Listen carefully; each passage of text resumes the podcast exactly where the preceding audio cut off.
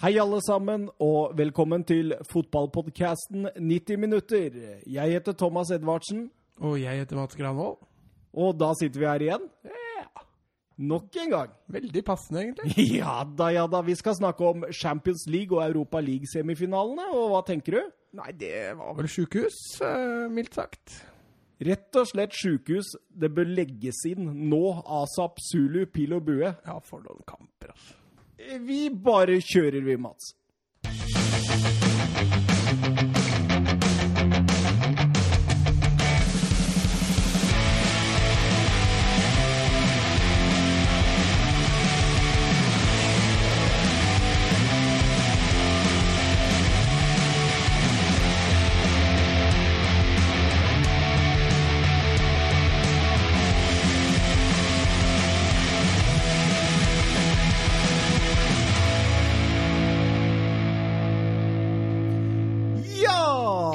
Da var vi faktisk i gang, og det er veldig hyggelig. Jeg har gleda meg egentlig hele uka, faktisk. Ja, du har det. Du har kosa deg og sett fotball. Og masse fotball, i hvert fall i midtuka. Åh, hva er det du begynte med? Du begynte med Barca Liverpool, eller? Ja, det gikk jo både Champions League tirsdag og onsdag, og så var det Europa League torsdag, så det har vært mye å henge fingra i, i hvert fall. Og eh, kona fortsatt like glad? Ja, det går så seint, vet du, hun sovner, så det, det er ikke noe problem. Ja, nei, men det er hyggelig, hyggelig. Og så har jeg begynt, og så har hun begynt å lese en eller annen bokserie, og det tror jeg er 40 bøker, så hun, eh, hun styrer med det. Det er deilig når andre ting opptar sånn at vi kan se ball. Ja, det er helt nydelig, faktisk. Og så i denne perioden i tillegg. Det er helt gull. Ja, det er fantastisk, og eh, vi hadde jo eh, to eh, fantastiske semifinaler i Champions League. Ja, både fotballen som ble spilt, og ikke minst eh, nervene som var i de kampene, var Nei, det var sjukehus, rett og slett. Det var jo det. Det var jo Vi satt jo her og snakka om Champions League-semifinalene etter første runde. Og da øh, Altså, det, det som slår meg, da, først og fremst, det er det at det, da snakka vi jo så øh, stort om kampene. At det, det var veldig gode kamper. Men eh, disse returkampene, de overgikk dem og vel så det. Ja, jeg vil jo si det. Den, at vi i det hele tatt greide å skape nerve i den ene kampen. Og, og den andre kampen hvor eh, man trodde at kampen var over etter første omgang, og så viste det seg at det var den jo ikke. Så nei, det var, eh, det var heftige, heftige to timer av livet som, eh, som gikk med der. Ja, det var helt fantastisk, og vi kan vel egentlig, eh, egentlig begynne med starten. Begynne med det første først. Eh, tirsdag 21.00 på Anfield Road. Der spiltes det ball. Det blei ble en elektrisk aften, i hvert fall for de, for de røde. Ja, Liverpool-Barcelona. Barcelona kom til oppgjøret med 3-0 fra Camp Nou. Ja.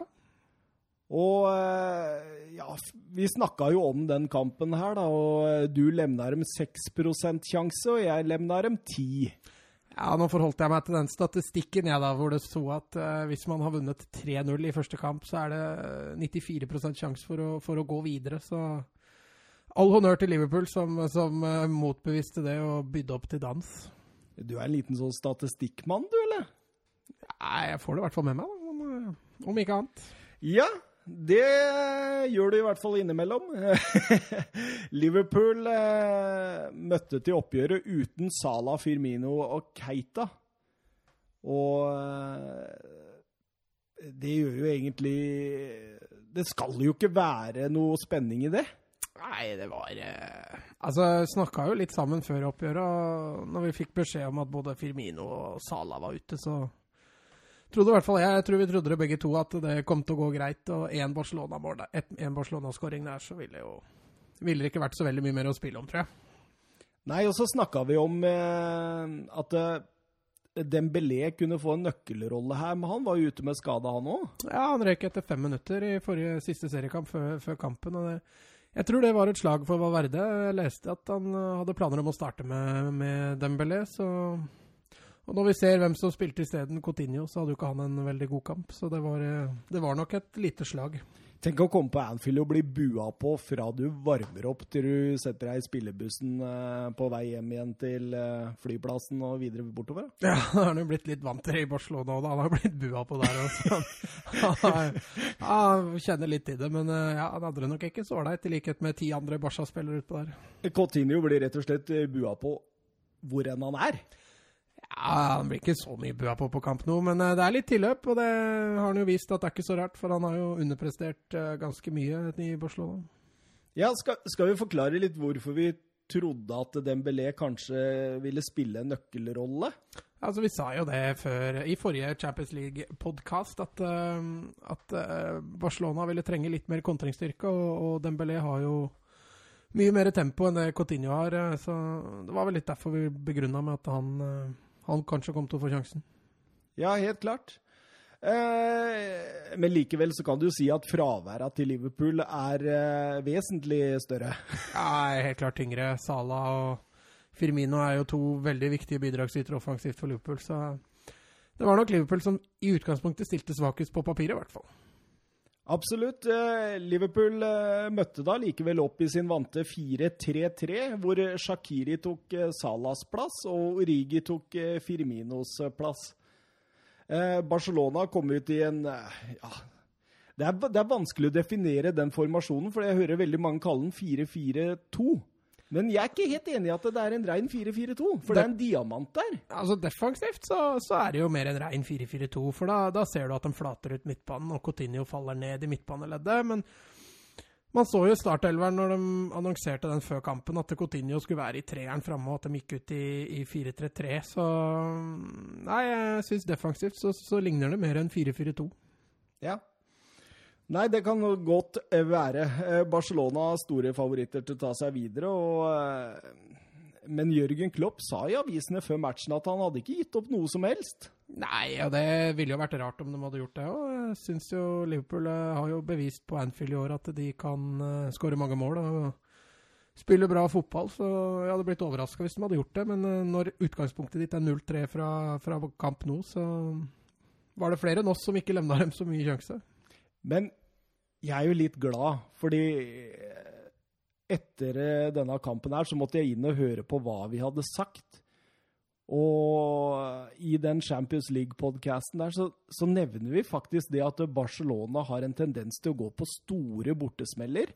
Ja, altså i fjor og forfjor, og de har gått på, men i år så har de jo unngått den uh, borteblemma så langt da, i Champions League. De slo jo United, og de slo jo Tottenham, og de spilte uavgjort mot Inter og, og Lyon, så de, de, de virka jo litt mer solide borte i år, men uh, de fikk jo en ordentlig nesestyver på Anfield også. Ja, det var jo eh, Kampen var jo ikke i gang før Liverpool begynte å produsere sjanser. Ja, jeg syns Barcelona hadde en eh, Altså, vanskelig å, å, tippe hva slags inngang de hadde til kampen. Om de skulle spille oss vente og se åssen Liverpool gikk ut, eller hva, hva kampplanen var. Men uh, Liverpool gikk jo, kan jo ikke ha vært veldig uventa at Liverpool skulle gå i strupen på dem med en gang. Jeg sa til deg før podkasten her at det jeg ikke forstår, det er det at det var verken eller. Det var verken fugl eller fisk. Altså, De la seg verken defensivt for å sikre eller offensivt for å gå ut og sjokkere. Det var liksom en sånn blanding som jeg ikke skjønner helt av. Nei, altså, altså Det er jo ikke i Barcelona sin natur, tror jeg, da, at de, at de skal ligge bak der og forsvare en 3-0-ledelse. Barcelona har jo ikke heller de, de spilletypene til å gjøre det på Anfield, tror jeg. og da jeg er litt enig i at det var litt merkelig at de, de, gikk så halvveis, da, kan vi si. Ja, det var jo halvveis, det var jo det det var. Og det tok jo bare seks minutter ut i kampen før Divok Origi dukka opp på en retur der. Ja, veldig svak involvering av Jordi Alba i forkant, som forærer Liverpool den Alba, sjansen. Alba møtte ikke opp. Alba var Han hadde flere Han måtte rett og slett ta skyld i flere baklengsmål, men det kommer vi kanskje tilbake til. Men det var en det var en heading tilbake der som, som var, var Mané som snappa opp, og så er det Henderson som egentlig gjør et fantastisk, to fantastiske dragninger. Som ja, ja, det er nydelig, ja, Hendo. Var, var tatt, ble tatt litt på senga der, tror jeg, Barcelona. Så gjør jo Ter Stegen først en veldig god redning, men så får han jo ikke returen vekk fra det farlige området. Da får jo Rigi en ganske lett jobb. Ja, Roberto trekker jo inn der for å prøve å støtte, og da står han jo helt aleine og setter den i åpent. Mm.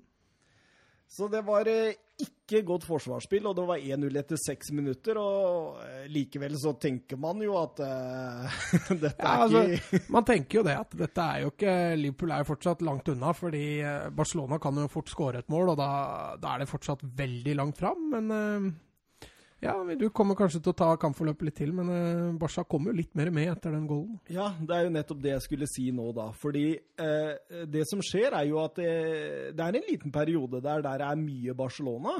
Ja, altså etter skåringen så var det så var det, det ble en liten vekker for dem, tror jeg. At eh, fader, vi må komme oss på jobb nå, så må vi må vi begynne å produsere ting, vi også. Det, Men du, du, så du, eh, så du den ene situasjonen etter 15 der, eller hvor eh, Alba kommer igjennom?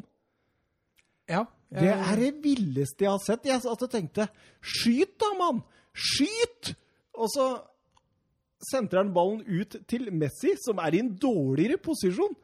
Som i tillegg må runde er det enten Matip eller van Dijk, jeg er litt usikker, og blir takla. Altså det er, Da er du ikke på jobb, mener jeg. Altså, Jeg husker situasjonen. Nå kan jeg opplyse om at det ble avblåst for offside, da. Så den, eh, den hadde aldri blitt stående. Men jeg er helt enig med deg. Det virker Altså, Alba og Messi har jo den, har jo den feelingen seg imellom at de skal spille sammen. Uh, men akkurat der er jo Alba veldig eh, uegoistisk og kan fint uh, skyte sjøl. Isteden så spiller han ballen til en dårligere plassert Messi, bare for at han skal få muligheten, virker det som. Ja, altså, altså offside eller ikke altså, Det har ikke noe å si med poenget mitt. da, liksom, at Nei, det, det, er, det er masse feil valg ute og går hele veien der, og det virker som de ikke Selv om de har eh, litt eh, taket på kampen akkurat på dette tidspunktet, så virker det likevel som om de tror alle sammen at dette går bra til slutt uansett. Ja, altså Jeg tror vel egentlig det var litt inngangen Barcelona hadde på kampen generelt òg. At eh, 3-0 fra, fra kamp nå, dette har vi i lomma vår, og så går vi ut og koser oss på Anfield og spiller på 80% og da Selv mot et svekka Liverpool-lag, så havner du i trøbbel, da. Ja, det blir jo sjanser eh, utover matchen til begge lagene. Robertsen har jo en fantastisk skudd der, som ja, Ter Stegen har jo god kontroll på den. Ja. Og eh, Mané, eh, han byr opp Roberto til dans.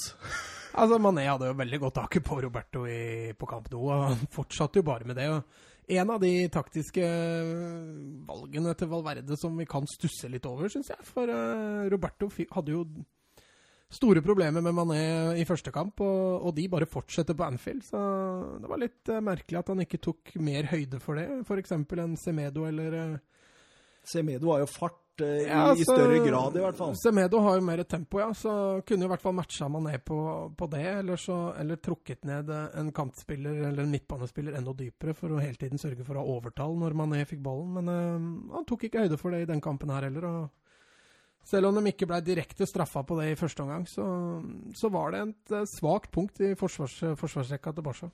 Men er det ikke her Barca nå skal låse kampen helt? Det var jo helt jojo-tendenser en periode der. Skal, ikke, skal, skal ikke Valverde bare komme inn der nå og så på en måte sikre ut omgangen? Nå ble det jo bare 1-0 eh, når eh, dommeren blåste for første omgang. Men du, du må på en måte altså, Det var ikke hans skyld at det var 1-0. Nei, men altså, jeg tror også Valverde følte at eh, etter den 1-0-skåringen så fikk de litt taket på kampen. De, de fikk det litt, kanskje litt mer i sitt spor. De fikk mer ball, de fikk lov å kontrollere. De, de begynte å produsere Kontrollere er vel litt drøyt å ja, si. Kanskje over- overdrive litt, men, men de begynte å skape ting, da. Ja, ja. Eh, og de begynte å, å flyte litt bedre offensivt. og Jeg, jeg tror kanskje Valverde tenkte at det, det er noe han ikke ville rokke ved, men eh, ja, jeg er for så vidt enig med deg. Skjønner, skjønner tankegangen. Ja, fordi det virker så handlingslamma, da. Fordi eh, kampen er jo på en måte litt sånn Jeg tenker at han er litt ute av kontroll.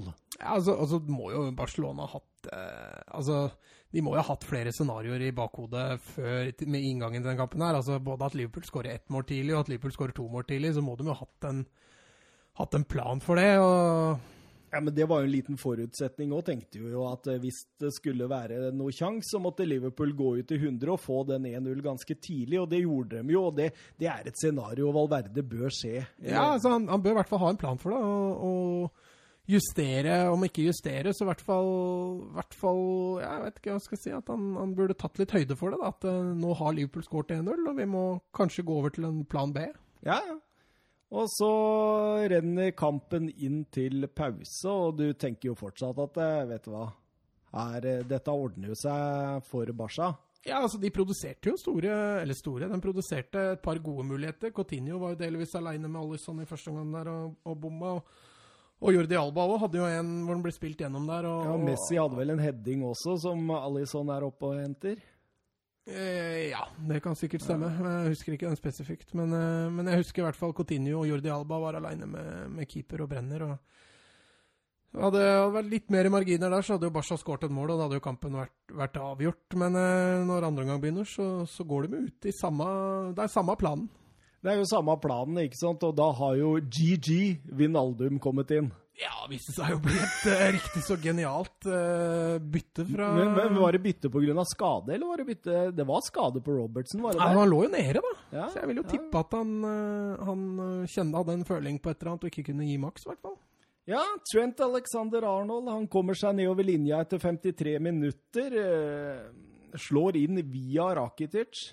Ja, altså er to, Først er det to dårlige involveringer av Rakitic, og så en dårlig involvering av Jordi Alba, som gir muligheten. og så går et innlegg der, og det er vel ikke noe å si på det treffet Vinaldum får der. Der Milner bomma i første kamp, så skårer Vinaldum nå i andre kamp. Men hvorfor bruker ikke Ter Stegen beina? Da hadde han jo redda han.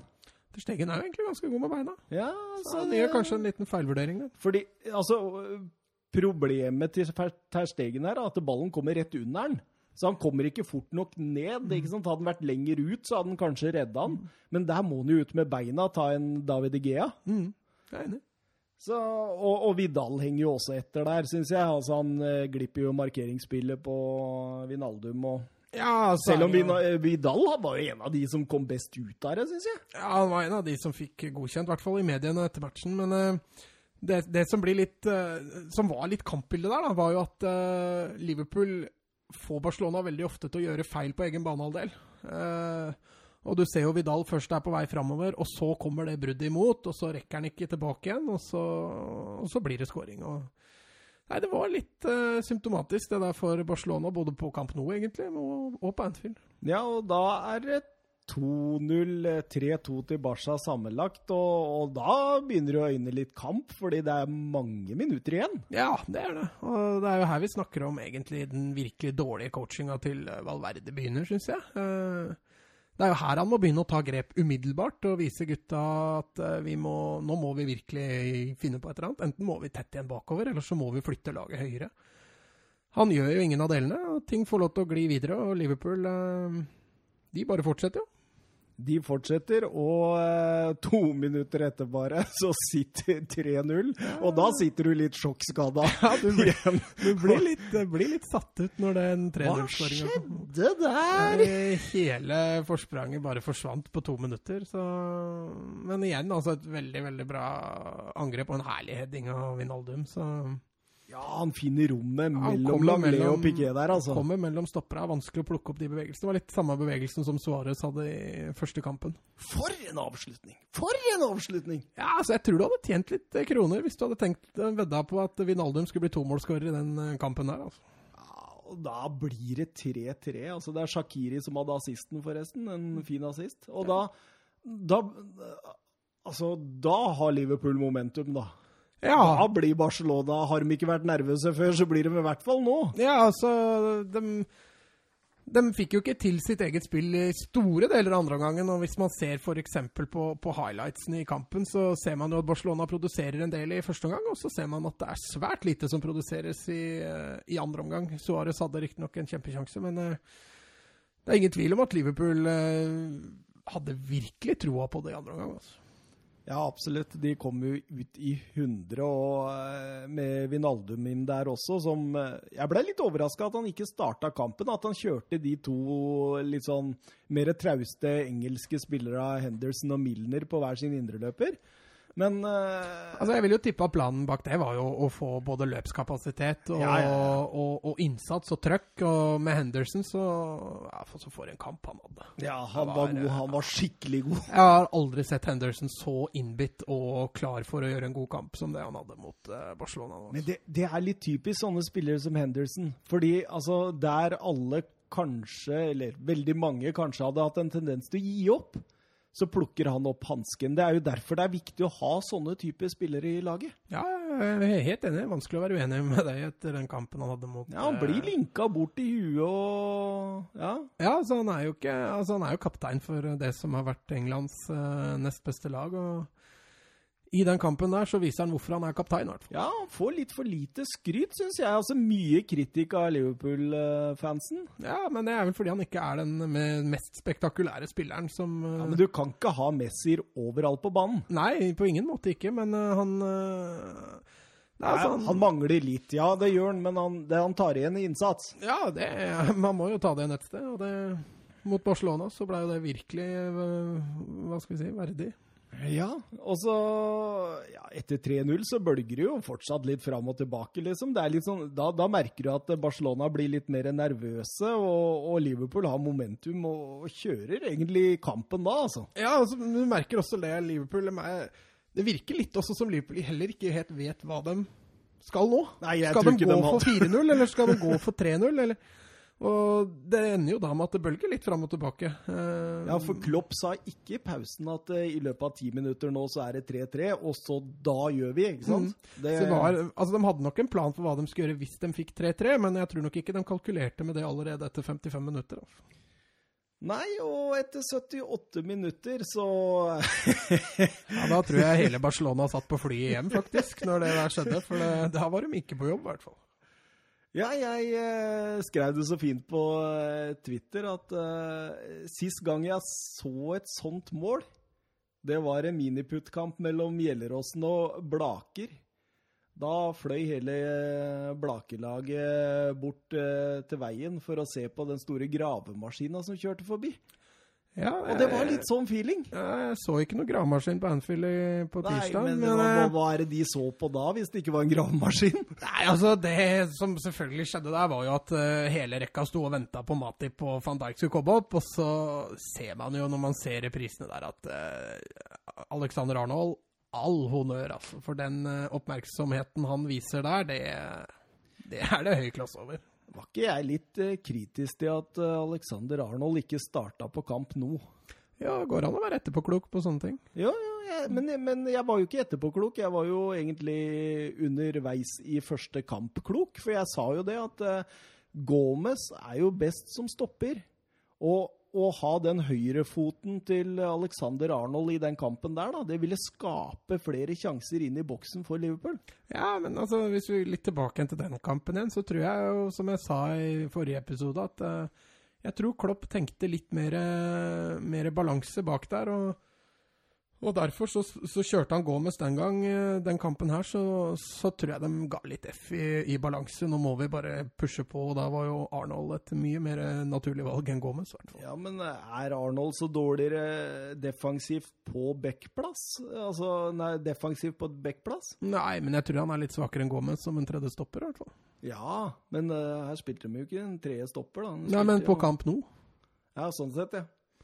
Ja, nei, eh, jeg, står i hvert fall med den at det var et feilvalg, det der. Altså, Alexander Arnold burde spille Altså, nå, absolutt alt av kamper Liverpool har. ja, men når du så åssen kampen på kamp nå blei, så, så er jeg helt enig med deg. Da burde Arnold ha spilt, for da hadde jo Liverpool mye ball. Og hatt en mer eh, høyrebekk da, som kunne bidratt mer offensivt, ville jo vært et uh, smartere valg. Men uh, jeg tror ikke Klopp så helt for seg at uh, Liverpool kom til å ha mest ball på kamp nå. Og eh, måten Origi setter det innlegget fra Arnold, eller den corneren fra Arnold på, det er Det er lugnt. Det er lugnt. Jeg er alltid ledig i krysset. Det mente han ikke. Men du ser jo hele situasjonen her. Altså, Arnold han går vekk fra den corneren med en intensjon om at den skal ikke jeg ta. Og så får han øye på Origi helt aleine i boksen. Og når du ser han får øye på Origi, så har Origi ryggen til Arnold. Han ser ikke at Arnold tar den eh, corneren. Og der er- oppfatter jo han dette lynraskt, så han må jo bare agere. øh, Og rekker jo ikke å tenke. Og det er jo ofte det beste for spisser. At du rekker ikke å tenke, du må bare gjøre. Så det er like genialt av Liverpool som det er tafatt av Barcelona, egentlig. Ja, det var det jeg sa. Det var Ja. en helt fantastisk eh, corner-variant som jeg tror ikke de har brukt mye tid på på treningsfeltet. Men eh, Her kan ikke Barcelona ha brukt mye på treningsfeltet. Nei, nei. Det er vel kanskje de har brukt litt for mye tid på treningsfeltet, for de sto jo og venta på de store gutta og gjorde seg klar på innøvd cornertrekk, så Semifinale i Champions League, det er uavgjort og ti minutter igjen. Og ikke en kjeft følger med på corneren. Nei, nei.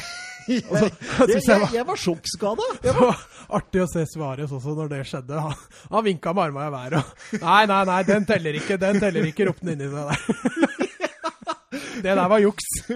Prøvde å overbevise dommeren her om at eh, vet du hva, vi fulgte ikke med. Nei, så da, den, den må vi ta på nytt. vi var ikke klare, som vi sa når vi gikk i sjette klasse. Nei, all honnør til Liverpool for den fjerde skåringa. Det var et eh, artig måte å vinne kamper på. Ja, absolutt. Og eh, ja, Liverpool Jeg har skrevet ned stikkord her som høyt press, styrke, utholdenhet, tro og momentum, som liksom sånn Altså, det med, det med utholdenhet, det, det er jo må jeg, sa, jeg sa det jo til deg, at jeg blir veldig overraska hvis Liverpool greier å holde det høye presset hele kampen. Men, altså, Det sa du etter 20 minutter. Det sa jeg etter 20 minutter. De klarte jo ikke det, men, men det var ikke så langt unna. Og med tanke på at Barcelona hvilte 12 av de eh, 14 som spilte den kampen der, og Liverpool spilte med så å si alle eh, samme helga, så, så var det overraskende å se hvor hardt Liverpool faktisk jobba for det. Altså. Og hvor lenge. Barcelona arrogante, ekstremt dårlig coaching og allerede videre mentalt, skriver jeg. Ja, første og siste henger vel litt sammen. Eh, arrogante og allerede videre.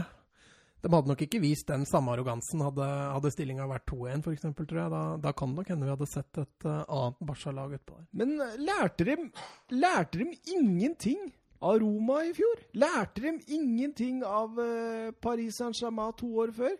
Nei, tydeligvis ikke. Det var, eh, det var Eller er det bare en Valverde-kollaps, liksom? At de eh, For da er det ekstremt morsomt at Ten Hag blei eh, linka til jobben Ja, samme kveld. Fire-fem stykker som ble linka til den jobben samme kveld. Jeg var jo inne og titta litt på de nettsidene i Spania. og Valverde har fått ekstremt hard medfart, og det Altså, jeg syns det er ganske fortjent for den coachinga han gjorde, spesielt utover i andre omgang.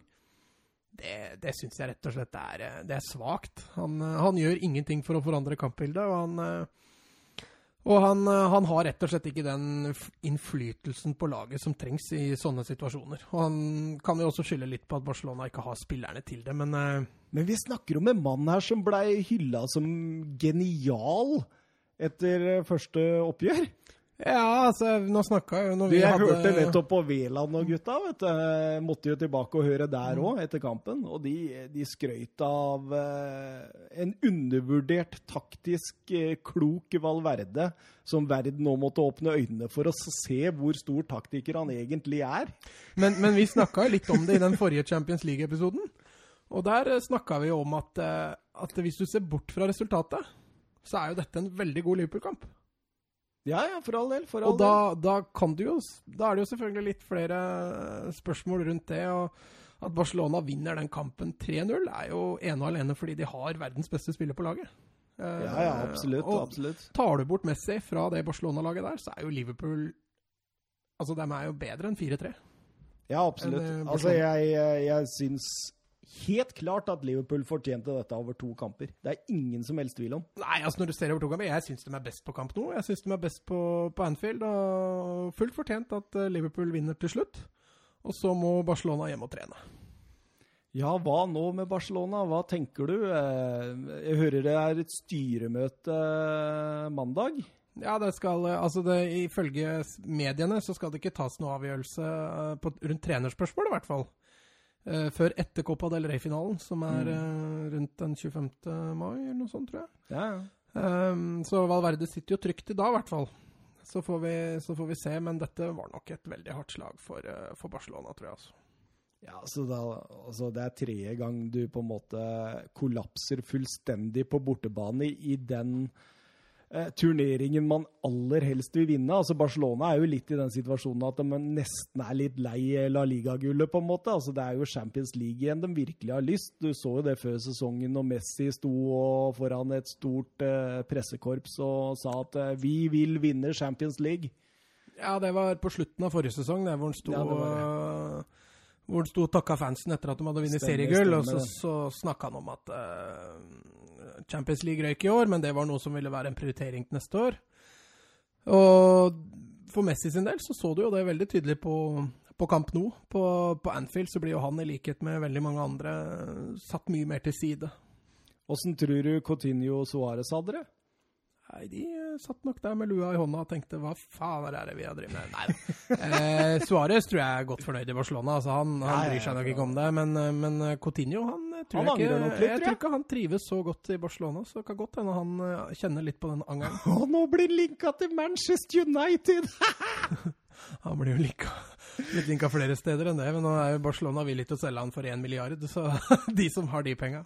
Og der kan han bli veldig god i den neste klubben sin. Altså, fordi altså, han er jo en fantastisk fotballspiller. Potensialet er jo der, eh, og det har han jo vist i Liverpool og delvis i Inter, så det er litt eh, synd for han at han ikke har lyktes i, i Barcelona, for han har jo ferdighetene til å spille bra fotball der òg. Eh, Vi er allerede en halvtime ute i programmet. Skal vi avslutte med våre såkalte fantasypoeng? Tre til den beste og så nedover? Ja, kjør på, det. For min del så eh, Jeg klarer ikke helt å skille eh, trepoengeren. Altså fordi jeg syns både Mané Selv om han på en måte Han var jo ikke noe avgjørende i forhold til eh, å score, men han spilte en fantastisk kamp. Og så syns jeg Vinaldum på grunn av det at han kommer inn og, og tar eh, ansvar. Så jeg, jeg er litt usikker der, men uh, kan jeg få lov å dele den med de to, eller? Så du gir ut seks poeng til å begynne Ja. med der? Oi. Jeg gjør det. Fordi jeg vil ha Origi på to, og så vil jeg ha Henderson på ett. Jeg klarer Du klarer rett og slett ikke å, å gi Nei. Altså at det er Klarer du det? Å skille liksom sånn Ja, altså jeg er jo uenig med dine poeng, faktisk. Ja, deilig, deilig. Uh, men uh, jeg kunne i hvert fall nevnt fem-seks Liverpool-spillere før jeg hadde gitt et poeng til Barcelona-spiller, i hvert fall. Ja. Uh, men jeg, jeg tror faktisk jeg gir de tre stjernene til Henderson. Det han gjør både i forkant av 1-0-gålen og, og 3-0-gålen der, hvor han er med bidrar på å vinne kula, i tillegg til den innsatsen han legger ned, og, og han er rett og slett et forbilde, så, så gir jeg tre poeng til Henderson. Og så, og så gir jeg eh, to poeng til eh, Mané. Jeg syns i likhet med deg, så, så gjør han en strålende kamp. Og så gir jeg de to siste poengene til, eh, til Vinaldum. Han er grunnen til at de kommer inn og Eller mye av grunnen til at de kommer inn og snur det. Selvfølgelig litt, eh, litt kjipt å ikke gi noe poeng til en annen tomålsskårer, men eh, jeg syns ikke Origi bidrar så mye utenom uh, måla. Men to mål i en Champions League-semifinale, Ja, så er du ikke topp tre engang. Men han ligger, han ligger på en god nummer fire, da. Han får, han får få noen blomster. Men, men altså, er Henderson Er hans bidrag bedre enn Mané og Vinaldum, altså? Ja, altså Jeg mener at han holder mye av eh, stammen i Holder mye av det Liverpool-laget der. Men sammen da kan du like godt si Milner, for han jobba sokka av seg, han òg. Sto fram, han gjorde det bra. han. Ja, men altså jeg mener jo Altså Henderson produserer jo mer enn Milner. Ja, men han har jo mer offensiv uh, rolle i det òg, da. Milner er jo den som på en måte kommer i, sist inn i boks. Jo, jo, men, men altså kombinert da med at han fortsatt skaper ting, Henderson, og det faktum at han Nå så vi jo ikke noen kilometertellere der på hvem som hadde løpt mest, men jeg blir overraska hvis noen løp mer enn eh, mer enn Henderson. Jeg tror han løper enda, jeg. Ja, kan godt hende han er på vei hjem nå. Eh, Men eh, nei, jeg syns Henderson var den beste kampen jeg noen gang har sett han. Det er deilig når vi er litt uenige, men vi er ikke veldig uenige, liksom. Så det. Nei, altså, altså Det som er litt artig der, er at Henderson er mer din type. Og så Mané er mer min type. Så Nei, men fullt fortjent, egentlig, at Liverpool eh, går videre til å sette denne kampen her over to kamper. Og da skal Liverpool til Champions League-finalen for andre år på rad. Ja, det stemmer, det. Men eh, denne gangen møter de ikke et eh, spansk lag i den finalen, fordi eh, Og de stiller uten, uh, uten Loris, holdt jeg på å si, Karius. Stiller uten Karius, så da øker vel eh, gode muligheter der òg. Ja, Hadde de stilt med ris i den kampen de skal Da Ja, da Da er det fare for at Tottenham hadde vunnet inn, for vi skal videre over på Ajax mot Spurs. Og eh, den ble spilt eh, dagen etter eh, på Johan Cruyff Arena. Eh, der var det jo litt eh, dramatikk i, eh, på oppvarminga, for Neres ble skada. mm. Og Kasper Dolberg ble kasta inn i det. Og da, da Altså Det var et tap. Ja, det er jo et tap. Helt klart et tap. Litt i likhet med, med Liverpool, som mista en av sine hva skal vi si, store bidragsytere offensivt, så gjorde Ajax eh, akkurat det samme. Ja, og så, og så tenker jeg på at det her er jo ikke bare å på en måte miste en spiller, men du, du mister jo en del av det grunnspillet ditt, på en måte. Fordi altså, det var veldig sånn opplagt at Tadic skulle være i midten, eh, linke opp, og at disse to racerne på hver sin kant skulle, skulle bli med på den. Men Dolberg har jo langt ifra de kvalitetene, og Tadic er ikke like rask som Neres på kant der. Nei, du mista egentlig to Du mista egentlig to elementer i, i, i, ene, i den ene skaden. For du mista en, en kantspiller som, som bidrar begge veier. Du mista en kantspiller som, som er god én mot én offensivt, og, og en som også kan true bakrom. Eh, når du da skyver Tadic ut på kanten, så får du en mer innoverkant som, som liker å, å spre baller. I tillegg så får du Dolberg på topp, som ikke har de samme kvalitetene som Tadic. Mer en sånn klassisk nier-spiss-type. og altså, Hvis du ser bort fra første omgang, kanskje, så merka, jo, merka du jo det utover kampen at Ajax mangla den ene kantspilleren sin.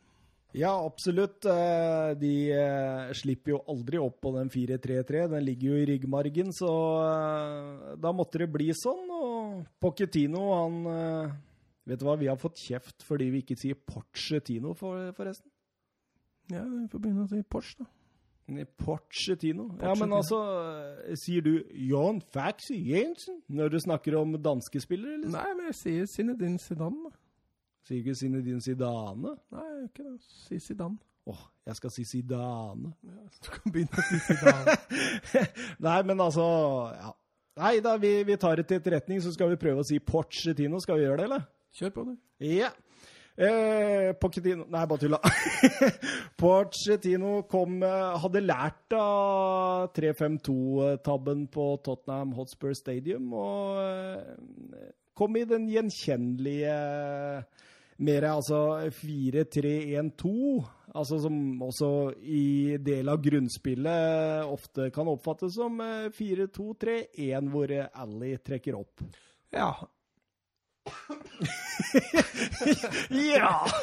Uh, nei, jeg er enig i det. Det var uh, Men altså, Tottenham måtte jo gå litt mer offensivt til verks etter det utgangspunktet de hadde. Og, og jeg har blitt overraska hvis Tottenham hadde gått ut med en treer bak, eh, treer baklinje der og gå på samme feilen de gjorde på, på hjemmebane. Så det var vel egentlig ikke så veldig overraskende.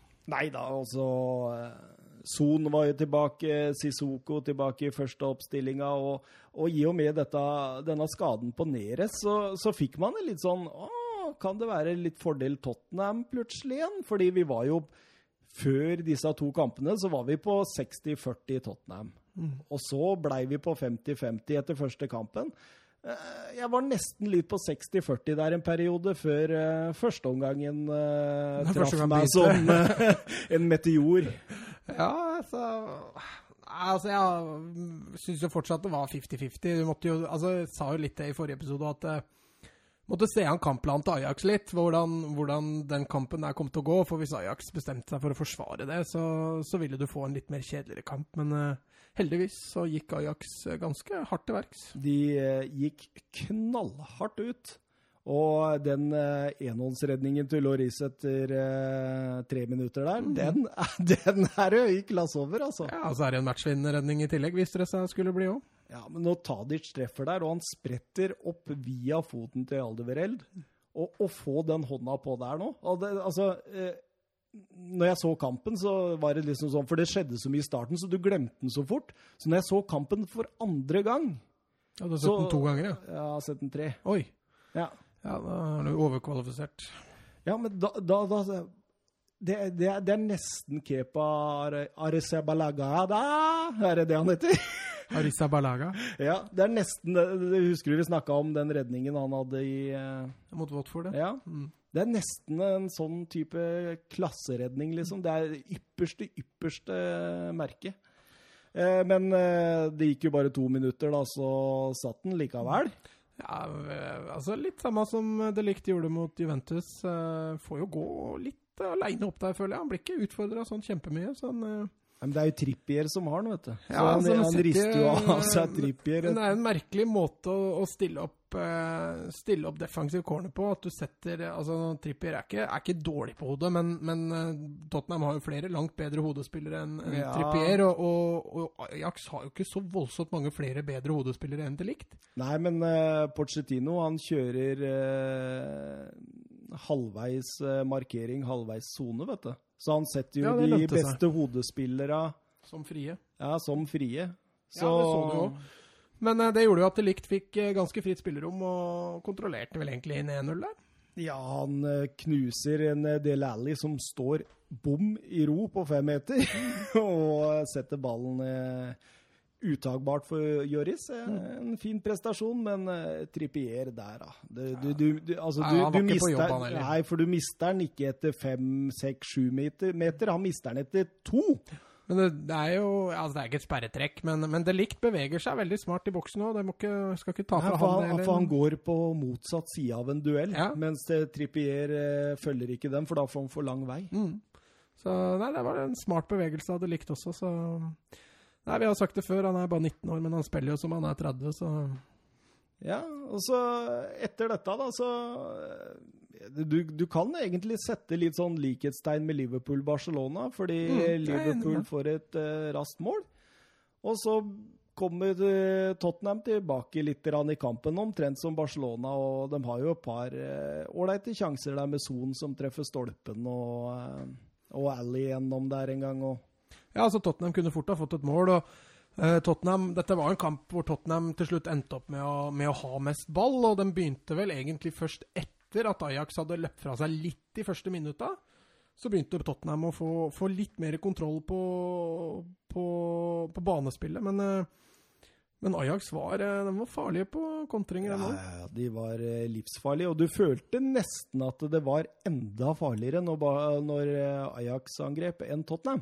Ja, altså, men, men eh, altså, det var jo ikke så rart heller, fordi Tottenham var jo ofte i ubalanse når, når de mista ballen, fordi de sendte jo fram eh, flere folk. De jaga et mål, og selv om de ikke greide å skape veldig mange store sjanser, så, så måtte de jo prøve. Og når Ajax vant ballen, så var de jo den ene gangen så var de jo overtall. Så, så men, eh, men det var jo allikevel et veldig artig, interessant kampbilde vi fikk. Og sånn sett en veldig mye mer åpen og interessant fotballkamp. Ja, altså Dessuten så Wanyama var jo ikke på jobb på den sentrale midten der, og tapte jo den duellen eh, sentralt på midten. Mm.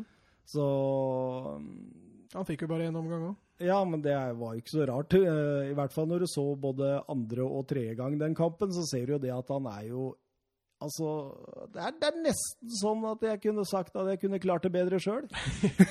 Igjen i en Champions League-semifinale, så er det ikke så ofte man får Nei da, nei da. Ja, absolutt ikke. Han, men- han vinner jo baller og sånt, man klarer ikke å distribuere dem. Ikke sant? Det er det som er forskjellen. eh, Altså, eh, når du ser f.eks. en Harry Winks, da.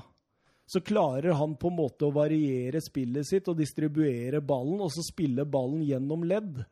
Og, og eh, Wanyama, ikke sant Når Sissoko og Ali begge flyr framover så fort de får sjansen, så er det ofte Wanyama som blir stående og ta imot den ballen og skal spille den videre. Og det har han ikke kreativiteten eller ferdighetene til å gjøre, for han er en rein ballvinner. Mm. Men der så du også Ja, nå skal vi vel ta for oss 2-0-målet først, men, men der så du i hvert fall også litt coaching, da, som mangla f.eks. hos Barcelona. At de, gjør en, eh, at de gjør en forandring i pausen der. De ser at ting ikke fungerer, og så gjør de et bytte. Det, det så du ikke eh, Valverde og Barcelona gjøre i den andre semifinalen. Men, eh, men ja, 2-0 også kommer jo som et resultat av en eh, kontring, i hvert fall. En uh, veldig, veldig fin kontring. Uh, Tadic eh, Herlig avslutning, da. Hva sa du? En herlig avslutning. Den er på direkten, den. Den er, eh, den er helt Og, og den skrur ut fra Loris, og helt sånn Den er helt perfekt. Ja, så er det, det er en stilstudie i hvordan man avslutter med, med på første touch, og, og han sikter i det hjørnet, han treffer i det hjørnet, og det var helt nydelig. Så når alle snakker om at de likte Beek og gutta drar, kanskje hvor drar Siert? Ja, altså, Ziyech, altså han har jo virkelig blomstra gjennom denne Champions League-våren, og Nei, jeg blir overraska hvis han også Altså, jeg tror jeg faktisk blir overraska hvis han er i Ajax i 1920-sesongen. Altså. Absolutt. Eh, Trippier eh, roter det til på 2-0 òg, faktisk. Ja, jeg så det. Mm.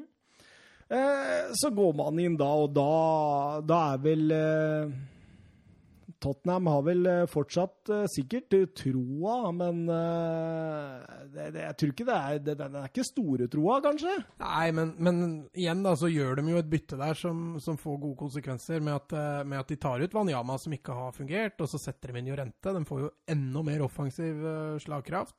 De får enda en streng til å spille på offensivt, men at de får inn mer fysikk, ikke bare eh, rett fram-spillere eller tempospillere. Eh, men så mister de jo litt Eriksen, for han, han må droppe litt lenger ned.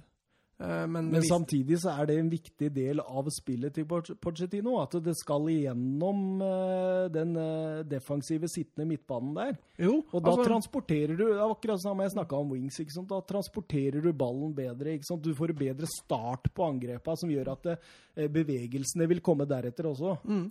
Og det, det blei jo et heldig Det ble et veldig heldig bytte, egentlig.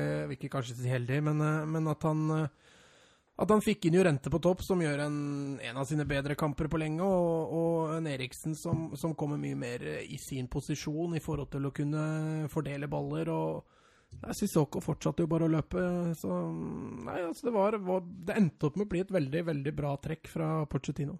Ja, og så Dessuten så er det sånn at eh, jeg, jeg tenker jo det at uh, hvis du får brukt spillere der spillere er best, så er det en stor fordel. Og, og med det byttet så kommer alle til sin rett mye bedre. Altså Eriksen får styre spillet, Ally får komme på de løpa, det samme gjør Mora. ikke sant? De blir ikke stående med ryggen mot mål, de kommer heller med nesa mot mål. Og det var en vesentlig forskjell her. Ja, helt klart. Og du ser også sånn får jo en utgangsposisjon som blir lengre ut til siden, så han får mer rom å utfordre innover i banen. Eh, Det samme gjelder jo egentlig også Mora, men han ender jo ofte opp inn i banen, og han har jo vist at det, det fungerer veldig bra for han, jo. For eh, etter 54 minutter der, så etter at Tottenham har pressa ganske heftig fra første minutt av annen omgang der, så eh, ser vi en kontring i absolutte verdensklasse. Ja, der går det unna. Eh, Det er klart, den, den dragninga til Ally der som ender opp hos Mora, er nok ikke med vilje, men, men når Mora kommer i storfart der, så lar jo Ally bare ballen gå, så, og en fin, fin avslutning. Men, uh, Men, men, men hvis du ser starten nå, da, hvor Rose først vinner en hodeduell mot de likt, får ballen tilbake etter hvert igjen, og spiller luka på den før han slår den ballen fram til uh, Mora, det er, eh, det er Kilan. ja, den luka der er jo også deilig å se på. Men, uh, men eh, en veldig bra kontring igjen av Tottenham. Ja, det gikk så fort. Jeg tror, tror det bare var eh, fire-fem sekunder jeg, fra ballen var helt nede hos Rose til ballen lå i mål bak Onana. Eh, og, og da som, eh, som Tottenham-spiller så vil du jo begynne å få litt mer trua på det, da, for du veit det at eh, da trenger vi bare to pga. bortemålsregelen. Mm. Og de, altså de hadde jo litt trua på det hele veien, følte jeg. Men, men jeg syns allikevel litt sånn som i, igjen tilbake igjen til, eh, til Liverpool-Barcelona. Når det kom en scoring, så jevna kampen seg litt ut. Eh, Det er klart Ajax kjente nok litt på presset, men, eh, men jeg følte Ajax fikk, fikk litt mer ball etter den scoringa. Ja, og i likhet med Liverpool da, når det kom én, så kom det en til. Kom det en til rimelig kjapt. og det, det er jo bare å hylle Lucas Mora for den måten han skårer det målet på. Ja, så kan vi kritisere Onana lite grann òg, eller? Ja, og Lasse Schøne. Ja, men, uh... men Lasse Schøne blir jo litt sånn tatt i en dårlig posisjon der. For han, han, først ser det ut som han bare vil klarere, og så kommer Onana ut i full fart. Og da blir jo Lasse Schøne stående i veien. Mm. Eh, og så ender det opp med verken fugl eller fisk. Og når den ballen da havner ut hos Lucas Mora, så har han noen dragninger, tofotsdragninger der som uh... men Onana er nok fortsatt prega av den enorme refleksredningen han hadde rett i ja, forkant. ja, her. ja, ja. Han var sikkert full av adrenalin etter den redninga, så så blir han litt overilt der og skal ut og plukke igjen, og Lasse Schøne står i veien. Men, eh, men de to tofotsdragningene eller Lucas Mora her hadde nok Iniesta også vært veldig stolt av. Og da er det 2-2. Spurs trenger ett mål igjen, og Pochettino veit det at eh, her har jeg truffet på alt i pausa. Um, ja, det er nok helt riktig. Han, han, som vi sa, de, de, de vurderingene han gjorde der, og det byttet han gjorde, var jo, var jo helt riktig. Nå, nå var det jo i utgangspunktet Tottenham som hadde det momentumet i kampen eh, når de fikk 2-2 der. og Det er klart, Når du får en sånn 2-2-skåring mot et så ungt lag som Ajax, så, så, må man jo bare utnytte momentet så godt de kan.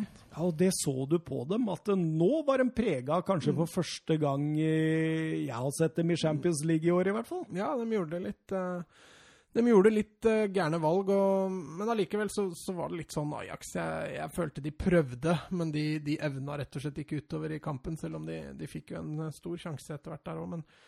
Så gjør han også noen rare bytter, eh, Ten Hag, faktisk, syns jeg, mot slutten. Han ofrer bl.a. van de Beek og Ja, men for, for, for annenomgangen, den, den, eh, den snur litt, ikke sant? Fordi altså, der vi tenkte det at uh, Ajax var farligere i hvert angrep, så var jo Tottenham farligere i hvert angrep her, hvis du ser bort fra det stolpetreffet da, som kommer på den uh, kontringen. Mm. Jeg er enig med deg. Og så var det litt altså, Jeg følte kampen også her på, på Johan Cruyff Arena var uh, den var egentlig litt lik sånn han var på, på Tottenham Hotspur Arena, der Ajax uh, var farligst og best i første omgang, og Tottenham var farligst og best i, i andre omgang. Så, så, var det litt likt kampbilde, men vi ble, fikk jo mye mer mål og store sjanser. Men eh, 3-2, det uteblei. Det varte og rakk.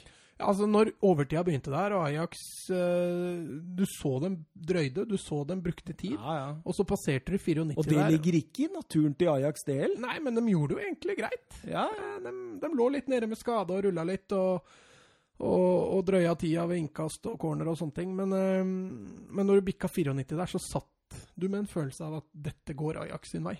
Ja, du gjorde jo det. Men, Tottenham-spillere ble frustrerte, og så fikk de den dødballen hvor Jorente hedda over. Uh, og du så Tottenham-spillerne gikk ned i knestående der og tenkte ja, nå er det ferdig, det er ett minutt igjen, dette, dette drar Ajax i. Da hadde Tottenham spilt ti minutter med to forsvarsspillere, faktisk. Ja. Etter de byttene mm. med Lamela og Davies der, da, mm. så var det Det sto bare Fertongen, en uh, liksom halvbesvima Fertongen med maske. Og ja, den maska røyker vel i løpet av andre omgang. Ja, han gjorde det. Tenk ja, med brukket nese og sånt, og og hoppe i de duellene der. Det, det, det er cred, syns jeg. altså. Ja, altså klart å møte gamleklubben og Champions League semifinale. Jeg tror jeg skulle spilt det sjøl, faktisk. Ja, fordi når eh, Jeg har sett en video, skjønner du, når eh, Ajax-supportere teller ned og skal juble for finalen i det 95. minutt eh, Altså, det Det var omtrent på slaget 95. Ja. Da, da, da, skjer det den siste desperate Tottenham-handling, hvor Sissoko bare mæler ballen oppover. Ja, til Jorente? Ja, altså Jorente vinner første duell med Delict, og får den til Ali, som Altså, det Ali gjør der, er, er det med meninga å transportere den videre til mora der? Nei, altså, jeg, tror det, jeg, tror det, er litt sånn som førstegålen, egentlig. egentlig. Det er, altså, det han gjør, er jo veldig, veldig bra. Uh, og så får vi diskutere litt om det er med vilje eller ikke. Jeg tror ikke det var helt 100% med vilje. Altså, så Ali har uh, to assist som ikke er med vilje? altså, altså, den første goalen det er jo en dragning. Du ser han løper etterpå for å få tak i ballen, men så kommer rett og slett bare mora før han. Uh, den andre goalen blir jo vakkert redd igjennom til mora der, da. Hva tror du gikk gjennom hodene på Ajax-supporterne når mora ble, setter den ned? Det ble jo helt stille. altså alle som så du de falt om spillere, ja, eller? Altså når, du et, når, du heier på et lag, så kan alle føle det Ajax-spillere følte, og supporterne følte der, for det Altså, du sitter der altså, i 94 minutter med en finalebillett. Altså, Fra Ajax tok ledelsen i det 20. minutt på Tottenham Hotspur, så har Ajax vært foran. Mm. Og så i det 95., det aller siste sekundet, så skårer Tottenham og er foran. Så Nei, det var nok en utrolig bitter, kjip uh, nedtur som ikke kommer til å legge seg med, med det første, det. Men, men, på den annen side, det der er noe Ajax kommer til å fortelle om i mange år framover, tror jeg. Det, det Champions League-eventyret her. Men syns du de, de likt var gode i den kampen? Altså Første gang syns jeg han er veldig god, uh, men så faller han litt i andre gang. Han får uh, virkelig bryne seg mot Jurente. Og da får du også se at han er litt, litt smågutt uh, fysisk. Ja, jeg syns både De Ligt og Frenkie de Jong var uh, helt average. Altså. altså, de Jong er enig med deg. Han syns jeg ikke var noe, var noe spesielt. Men så ser du også Det beste av den golden trioen der, det er jo De Beek. Ja, men altså, Eller De Beik, skal vi se til. men, ja, men han ble, det var litt det jeg sa, at han ble ofra på slutten, De Beek. De Beik. De Beik. Van, van de Beek. Van de Beik. Nei da, men han, han blir jo ofra på slutten der, og det var et litt merkelig bytte. For han, han har jo den energien, og du så det også mm. på Tottenham Hotspur, at når Ajax sliter, så er det han som tar de dype løpene offensivt. Det er han som kommer på de løpa dypt i banen. Og det mister de jo når de tar ned av banen for å safe inn der og bytter inn det som egentlig er en bekk. Og det nei, Vi får se hva, hva, hvordan Ajax takler det. Nå veit vi jo det at de vant, uh, vant seriekampen sin i dag, men uh, det der tror jeg kommer til å svi. Uh, det svir lenge, altså. Det, men samtidig god lærdom, da, tenker jeg, for disse gutta som skal ut i større klubber nå. Nå har de liksom fått smakt på det å bli hausa opp og hylla og virkelig gått gjennom en, en, en fase de vil huske resten av livet. ikke sant? Det er Real Madrid, det er Juventus. Vi, vi knuste dem alle sammen. Og så fikk den smake på den enorme nedturen. Det er jo en enorm læring for gutter som er 20-21-22 år. Ja, ja, helt klart. Og, men tenk hvor gøy det hadde vært å fått om Ajax kunne fått lov til å ha de gutta her et par år til. Ja, det tror jeg også faktisk hadde bare vært positivt for dem. Det er Ja, litt synd så... det der at de skal ut så fort penga er året, liksom. Ja, altså, men, men øh, Det er en diskusjon vi sikkert kan ta seinere, men nå er det så mye penger i de største klubbene i Europa. og Det er rett og slett ikke nok gode fotballspillere til å, til å fylle de rommene. og da, Så fort det kommer opp et talent, så skal han hentes for veldig mye penger. og nei, Jeg tror Ajax øh, kan fort stå ganske robba tilbake igjen etter, øh, etter den praktsesongen de har hatt. Det er i hvert fall fire, tror jeg, som eh, kommer til å gå i sommer. Ja, det er fire stykker som er godt linka, i hvert fall. Og de kommer til å gå til store klubber for store penger. Mm. Så kommer Martin Ødegaard til Ajax, og så tar det et par-tre år, og så Så er det hans tur. Ja. Eh, fantastisk opphenting, og Pochettino viser det nok en gang hvordan han har evnen til å snu kampbilder i, eh, under selve kampen. Ja, så tror jeg han er litt sånn spillernes mann-type. Altså, folk blir bytta, han tar rundt dem og holder rundt dem. Han, han er liksom på lag med gutta. og Ja, jeg tror de unner han det også, på en måte. da, At de gir kanskje litt ekstra fordi det er han, og de liker han godt. og Nei, for all del. En, eh, en, eh, og I tillegg så viste han jo også i pausen der med at han gjør noe genialt taktisk. Så han, eh, han er nok ganske komplett som manager. Så da blei det hele engelsk Champions League-finale 1.6 i Madrid, da. Det gjorde det. Mm, hva, hva sånn Vi kommer sikkert til å ha en eh, større preview eh, om denne finalen, men eh, hva er din sånn første tanke nå?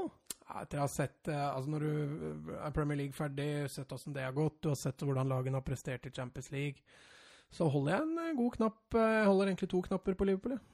Ja, ja det, jeg har også Liverpool som favoritter, men eh, jeg, jeg tenker jo sånn eh, at eh, Spurs kjenner jo Liverpool like godt som Liverpool kjenner Spurs. Og Pocket på Pochettino kjenner Klopp like godt som Klopp kjenner Porcetino. Altså, dette er Altså, eh, selv om Liverpool har hatt to kanonsesonger nå i Premier League, men uh, fjorårssesongen så uh, Friskt i minne. Ja, så vant Spurs eh, bl.a. 4-0 og 2-1 på Anfield, 4-0 på Wembley. Og i år så var det to knappe 2-1-seiere til Liverpool. Så dette har blitt tett og jevnt. Harry Kane er tilbake. Harry Winks er tilbake. Spillere har fått hvilt litt mer. Jeg, jeg tror den der eh, finalen der den kan nesten bli et lite antiklimaks, at eh, fordi de nuller hverandre litt ut, så Ja, Så er Liverpool også tilbake en Sala og Firmino, antageligvis. Eh, Ja, er du sikker på Firmino, eller?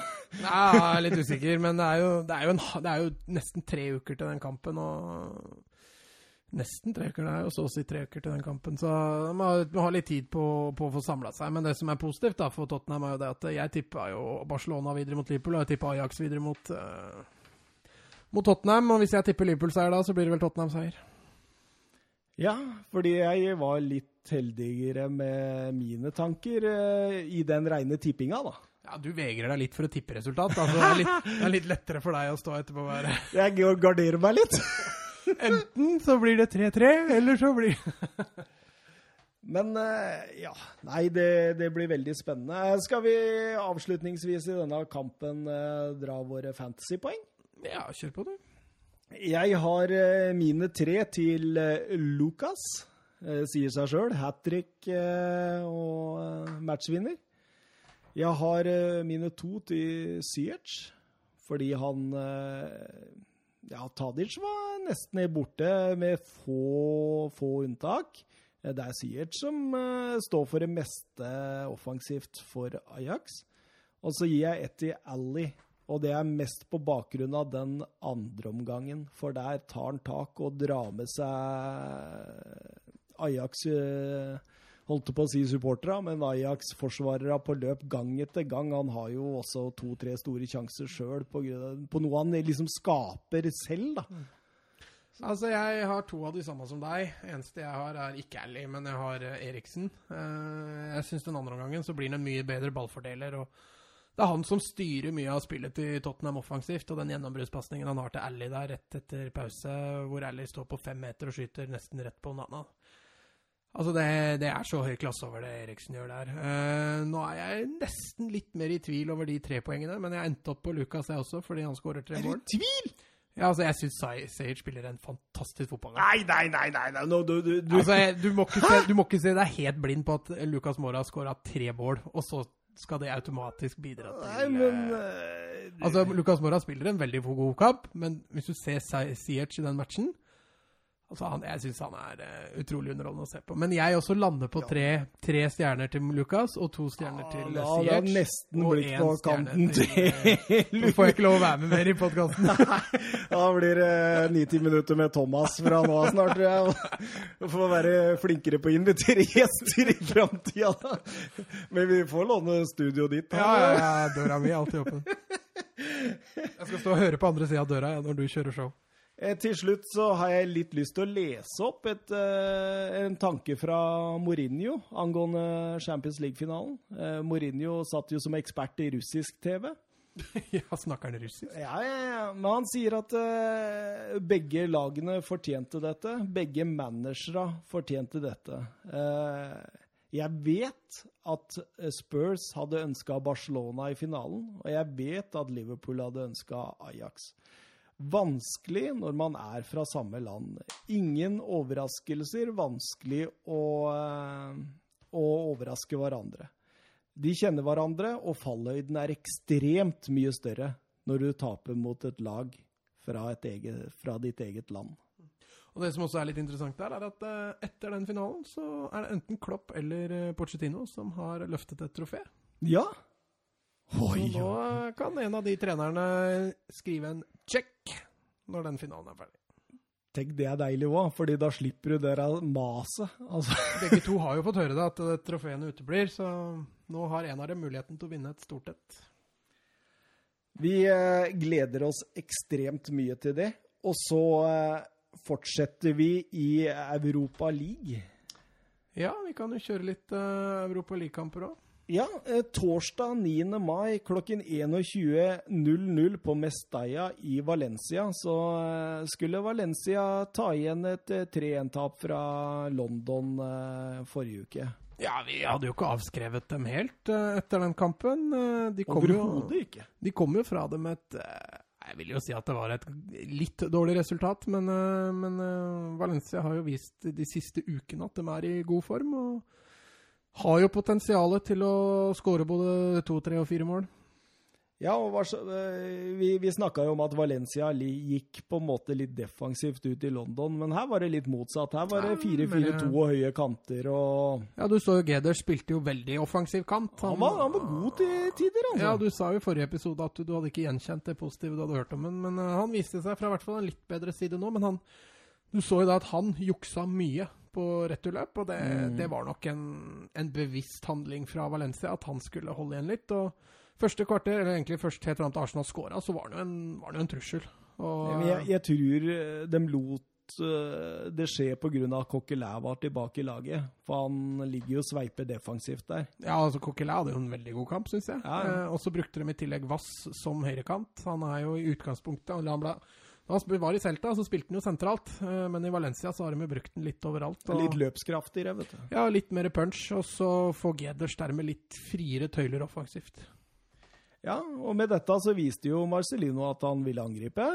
Ja, litt samme som eh, Liverpool og Tottenham, så måtte jo Valencia framover.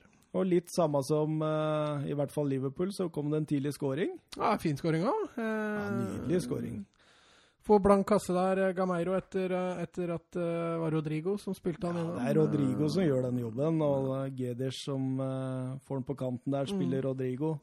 Altså, det var et herlig, herlig angrep også. En, eh, en fin overgang av Valencia, og, og de utnytter rommene, utnytter rommene veldig bra med de løpene de gjør. Og Gameiro blir jo stående ganske aleine på motsatt. Men det var jo en resultat av en kontring, og du ser eh, Rodrigo der. Han har, han har ballkontakt eh, to ganger, og det er to touch Mm. på de to gangene. Det går så fort fremover, og det er fantastisk. Altså, det er jo like bra det han gjør i oppbygningsfasen der, hvor han uh, møter og spiller ut på Geders. Mm. Jeg syns Rodrigo har en veldig god førsteomgang. Han er bevegelig, han vil vinne, han vil, eh, vil framover. Og han har jo bra ferdigheter. Han eh, er jo nylig også altså Han vil ikke si han har etablert seg på det spanske landslaget som spiss, men han er i hvert fall en het kandidat. Så da, når du er het kandidat til å spille førstevalg som spiss for Spania, så er du en uh, habil fotballspiller også. Og så så nære 2-0, da. Det tenkte på Rodrigo sitt skudd. Som treffer Gameiro for første gang av to i kampen. Ja, ja, men han hadde et langskudd der òg. Eller langskudd, det var vel 17-18 meter som stryker stanga. Så nei, Valencia var eh, Hadde de fått 2-0 der sånn, da hadde det eksplodert litt, tror jeg. Ja, jeg tror det. Fordi eh, det, Du satt jo nesten og håpa på at den 2-0 kom, fordi da blei det virkelig kamp igjen. Men så Det tar ikke mange minuttene før Bomeyang eh, dukker opp. Nei, altså, det, det er Valencias Altså, det er Valencia sin store akilleshæl denne sesongen. Altså, de, de har stoppere som opptrer som smågutter. Altså, det Gabriel Paulista gjør der i to dueller, er eh, Altså, det, det Jeg får nesten litt vondt inni meg når jeg ser han først går opp og feilberegner den første og header ballen rett til værs, og så går han opp på neste duell og taper den så det synger, og så ser du Garay tar to steg fram og feilberegner, og så er plutselig Aubameyang uh, aleine igjennom. Og altså, for all del, fantastisk satt. Han treffer jo hjørnet fra 16 meter Med utsida. med utsida der, men eh, Nei, det er eh, nok en gang svakt eh, forsvarsspill av eh, så altså Gabriel, da, som sikkert ville hevne seg litt for en dårlig Arsenal-karriere. Ja, altså han Jeg syns ikke han har noen god kamp i det hele tatt. Og det er litt av akilleshælen til Valencia at de trenger en, en solid stopper ved siden av Garay. Garay viser stort sett at han holder et veldig høyt nivå, mens stopperne som har spilt ved siden av han i år i Valencia, det har, vært, det har rett og slett vært for dårlig. Ja, og da, da går jo pusten litt ut av Valencia sånn egentlig, syns jeg. Altså, det, altså det, det, det er ikke noe stort Arsenal-overtak, men de, de produserer det farligste, i hvert fall. Ja, Valencia mister jo momentumet helt etter den skåringa. Altså, mister helt. Altså, de mister litt momentumet de hadde. Uh, Arsenal var jo litt nervøse når de fikk 1-0 tidlig imot. og når Arsenal får 1-1 her, så ser du at Arsenal senker skuldra sine litt, eh, litt mer. Ja, Og Lacassette har jo en i stolpen der òg. Ja. Så Valencia var jo Etter at Arsenal fikk den 1-1-skåringa, så, så kom Arsenal mye mer inn i det. Og da går vi til pause og 1-1, og Marcelino må egentlig kaste hansken da, fordi ellers så går det gæren vei for Arsenal. Begynte jo å få litt kontroll defensivt òg, til å være Arsenal å være, i hvert fall. ja. Men eh, nei, altså Du ser jo der når Ar- i det Valencia mister det momentet, men så ser du også at Arsenal Jeg syns Arsenal er et bedre lag. Da er de kjørt, Eh, mener du? Ja, altså Arsenal har bedre spillere individuelt sett på hver enkelt posisjon. Eh, De har i tillegg to spisser der framme som Altså Når Rodrigo ikke blir involvert mer enn han gjør etter hvert der, så, så er Lacassette og Aubameyang det er, eh, det er rett og slett internasjonal klasse. Og da Gameiro og Rodrigo greier ikke å stille opp med det samme. Nei, fordi rett etter pause så blir det 1-2 til Arsenal, og Aubameyang er i en liten løpeduell der ute på kanten mot Gaia. Og eh, hva han Gaia, som vi skrøt av i første gang, driver med der når han mister ballen igjen, det kan man jo lure på. Ja, han er ute og surrer der. Jeg vet ikke hva han tenker på, men uh, Inntil Lacassette som Altså, det er en fantastisk avslutning igjen av, uh, av franskmannen. Ja, han vender jo av på en femøring der og setter Han får en dårlig touch i starten der, da. Ja, han henter seg fint inn. Ja, fantastisk. Men Han- igjen da, så ser du Valencia-spillere er De er for langt unna. og Cristiano Piccini blir eh, rundingsbøye, og han setter den. Ja, Piccini har vært eh, en stund ute med skade, og han eh, er nok litt rusten, men eh, for all del. eh, og når den 2-1-skåringa kommer, så da er det game over. Ja, men likevel, eh, rett etter 2-2. Ja, Gameiro dukka opp igjen, han. Så det Parejo sin eh, gjennombrudd på Vass der, eller? Altså, den Parejo er en veldig undervurdert spiller. Ja, det, det har jeg forstått. Han, han er eh, Altså, han, han er nest, altså Hvis vi skal sammenligne med to store spillere, så er han nesten en litt blanding av Busquets og, og Xavi. For han, han, styrer mye av midtbanen til Valencia. Han styrer mye pasningsspillet. Han styrer mye av tempoet i kampene Valencia er gode i. Han har kreativiteten, han har pasningsfoten, og i tillegg så ser du det frisparket han har. Jo, mm. han, er, han, har også en veldig god frisparkfot, så nei, Parejo er en undervurdert spiller og spilte også en god kamp mot Arsenal. Ja, jeg blei eh, veldig imponert over han. Jeg ser sammenligninga di også i forhold til Nå har nok du sett han mer enn meg, men eh, jeg også syns han er en god, same, en god blanding av Espen Sørgaard og Runar Kristinsson. Det er ja. Veldig bra, i hvert fall. Han eh, finner Vass. Vass uh, slår han på én ut. Mm. Og nok en gang så treffer skuddet til Rodrigo. Den treffer Gameiro. Og, og for en merkelig bue der. Ja, så, via hælen og over hansken til Tsjekko i mål. Det var veldig Altså, Gameiro visste ikke hva som skjedde der, tror jeg. Nei, visste ikke helt hva som traff han der. Men det blei ble en fin skåring ut av det. Ja da, absolutt. Altså, selve angrepet var jo eh, fint eh, regissert av Parejo. Og, um, men uh, det blei jo ikke nerve. Nei, Hun satt ikke med en følelse av at Valencia kom til å snu det. Så. Og det tok jo bare ti minutter, altså, så dukker Ab Aubameyang opp igjen. Ja, han endte jo opp med, med hat trick i den kampen. og Aubameyang, med tanke på hvordan vi veit Premier League gikk i dag òg, så har han hatt en veldig, veldig fin uke. Ja, det er vel fem mål på to kamper nå? Ja, det stemmer. Men Aubameyang på sitt beste Ja, klasse. Det er Altså, han har, han har, veldig mye. Han har tempo, han har, han har bra ballkontroll, bra fotballforståelse. Han er Avslutningsegenskapene hans er ikke alltid eh, på det beste, men, men, når ting stemmer, sånn som det har gjort denne uka her, så, så tror jeg Arsenal er godt fornøyd at han spiller for dem. Ja, og 4-2 var jo også et uh, merke på kvalitet når han hopper over der, mm. får ballen igjen, drar på løp og setter ballen knallhardt over uh, Neto. Ja, og det er også tegn på mye selvtillit, på måten han avslutter den uh, skåringa på. Altså, den ballen skal bare i mål, og han bestemte seg på det på forhånd. Var frustrerte Valencia-spillere på slutten der? Ja, men det er ikke så rart at det, det, var frustrerende. Jeg tror de følte, når kampen begynte i hvert fall, at dette kan vi klare oss.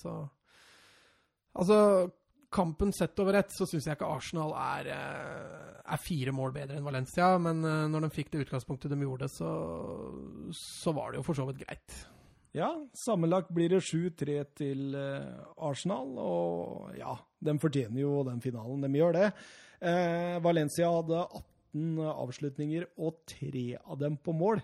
Ja. Hvorav to av dem ble i mål. Det, det sier vel litt så skoen kanskje trykker, men, men, igjen da, så er det jo en del langskudd de fyrer av der, Valencia, så Nei, de må Altså, av Valencia, altså, hvis du ser hva de har prestert i La Liga i år, så, så har de jo fått vanvittig mange uavgjortresultater. Mm. Uh, og da gjerne med få mål involvert. De skårer lite, og de slipper inn lite. Når de da møter lag som skårer mye mål på dem, så, så er de mye trøbbel med en gang. Eh, de har jo også ballen mest i den kampen, noe som Arsenal for så vidt lever godt med, ser du. De, de ønsker jo kontre, så Men eh, kampen sett, uh, eller begge kampene sett under ett, så er det jo fortjent at det er Arsenal som Og kongen av Europa League, Unai Emery, tar seg til ny finale. Ja, han syns nok det var hyggelig å komme tilbake igjen på Mestalla, han, og kampen gikk som den gjorde. Hadde ikke han tre ja, han gjorde det skarpt. I... Tre på rad med Sevilla? Stemmer det. Han uh, gjorde det skarpt med, med, Sevilla. Men han har jo en fortid i Valencia og kanskje litt undervurdert uh, tida han hadde i Valencia. Han fikk jo beskjed om at nei, nå var de lei fjerdeplasser, så nå, nå, ville de bytte han ut. Og etter det så tok de jo ikke en fjerdeplass igjen før Marcelino kom i fjor, så Nei, jo I England nå så er de jo ute av uh, topp fire. Jo, kan hende. Hørte du Sjaka, forresten? Nei, for Den var fin. Den var fin. Nå, uh, Han var litt lei da, å ikke spille i Champions League, tydeligvis. Mm. Så han uh, foreslo at uh, seks, topp seks i England skulle få lov å være med i Champions League nå. Ja, jeg syns også den du sendte meg var... Klarer, klarer vi det ikke, så Jeg syns den du sendte meg var herlig med han Liverpool-supporteren som mente det burde være en pokal for å bli nummer to. Altså. Får 97 poeng, og så blir nummer to. Altså. Hva skal den pokalen hete? Nei, det skal ikke hete noe, skal bare få en pokal for å bli nummer to. Det er fantastisk! ja, det var nydelig. Det er litt i den gata. Skal vi eh, ta for oss eh, fantasypoenga? Ja, kjør på. Ja, skal vi se om vi er enige nå, da. Jeg uh, syns at Aubameyang med sitt hat trick Enig. Ja, det holdt med hat trick denne gangen, altså. Ja, men det var ikke så mange andre som var like frem, fremtredende. To poeng til Lacassette. Ja, jeg er enig. Takk. Og ett poeng til Rodrigo. Nei, jeg gir det til Parejo. Ja. Nei, da var vi litt uenige. Jeg uh, syns uh, Rodrigo uh, står for veldig mye av det offensive. Altså, han er hakket foran Parejo i, i Og det å på en måte være farlig foran mål, da. Han er med og produserer 1-0-skåringen.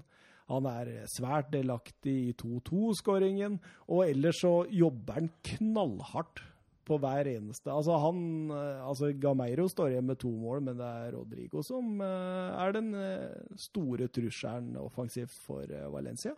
Ja, altså jeg, er, altså jeg er ikke uenig i analysen din av Rodrigo der, men jeg syns Parejo er, er mer toneangivende i i større perioder av kampen. Og så er det en spiller du liker, vet du. Ja, altså han er litt min gate, men men Rodrigo er veldig god, spesielt første kvarteret, og så faller han litt bort, og så kommer han litt tilbake, og så faller han litt bort. Altså du ser Parejo er Han er litt mer i hjertet av Valencia-laget, og det viser han. Han er litt camp. Hvor gammel er han?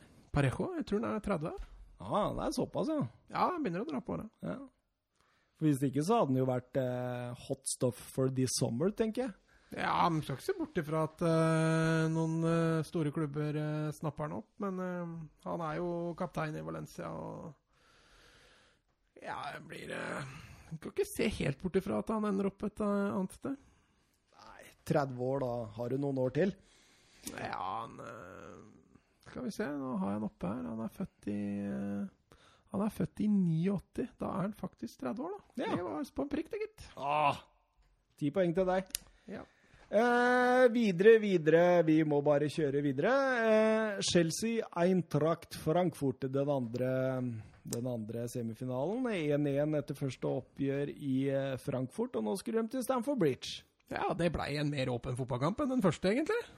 Ja, det, altså Frankfurt altså, var bedre enn den ja, var i første. Frankfurt framsto langt Eller langt, den framsto litt hvassere. De, de, men, men, men, det er litt merkelig, fordi eh, Chelsea drar til Frankfurt eh, og, og starter verken med Loftus Cheek eller eh, Hazard. Eh, og gjør en veldig god kamp. Her så er de hjemme på sin egen storstue. Eller han er ikke så stor, men sin egen stue. Og har med både Cheek og Hazard fra starta. Og så er det egentlig Frankfurt som jeg, jeg, står igjen litt med at Frankfurt burde kanskje ha tatt dette.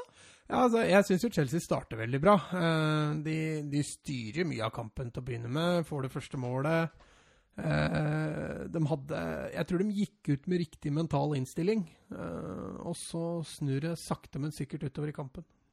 Ja, Frankfurt kommer jo fra et sviende 6-1-tap mot ja. Leverkosen, men det var ikke så mange av de spillerne som Nei, den fikk var med her, da. fikk jo hvilt litt der, da. Ja, uh, det, er, det, er, litt merkelig, egentlig, når de kjemper om eh, topp fire i Tyskland. De har jo ja, liksom de, hadde jo, de balletaket på det. De, har jo, de hadde jo et lite feilskjær, men at ja. det skulle bli 6-1, det var vel kanskje ikke helt helt forventa hvis de eh, Nå har jeg ikke sjekka resultatene. Nei, de spiller i morgen, faktisk. Ja, de gjør det. De gjør så, nei, Da får vi se åssen det ender der. Men vinner de der, så har de jo fortsatt den fjerdeplassen. Men eh, jeg er enig med deg at uh, litt snodig at Frankfurt prioriterte sånn, men uh, hadde det endt med finale i Europa League, så hadde det jo vært en riktig prioritering. Når det ikke ender med det, så kan man jo stusse litt. Ja, Ante Rebic var tilbake som makker på topp uh, der, og Haller var tilbake på benken. Mm. Det, det, gir jo dem litt ekstra krydder framover, da.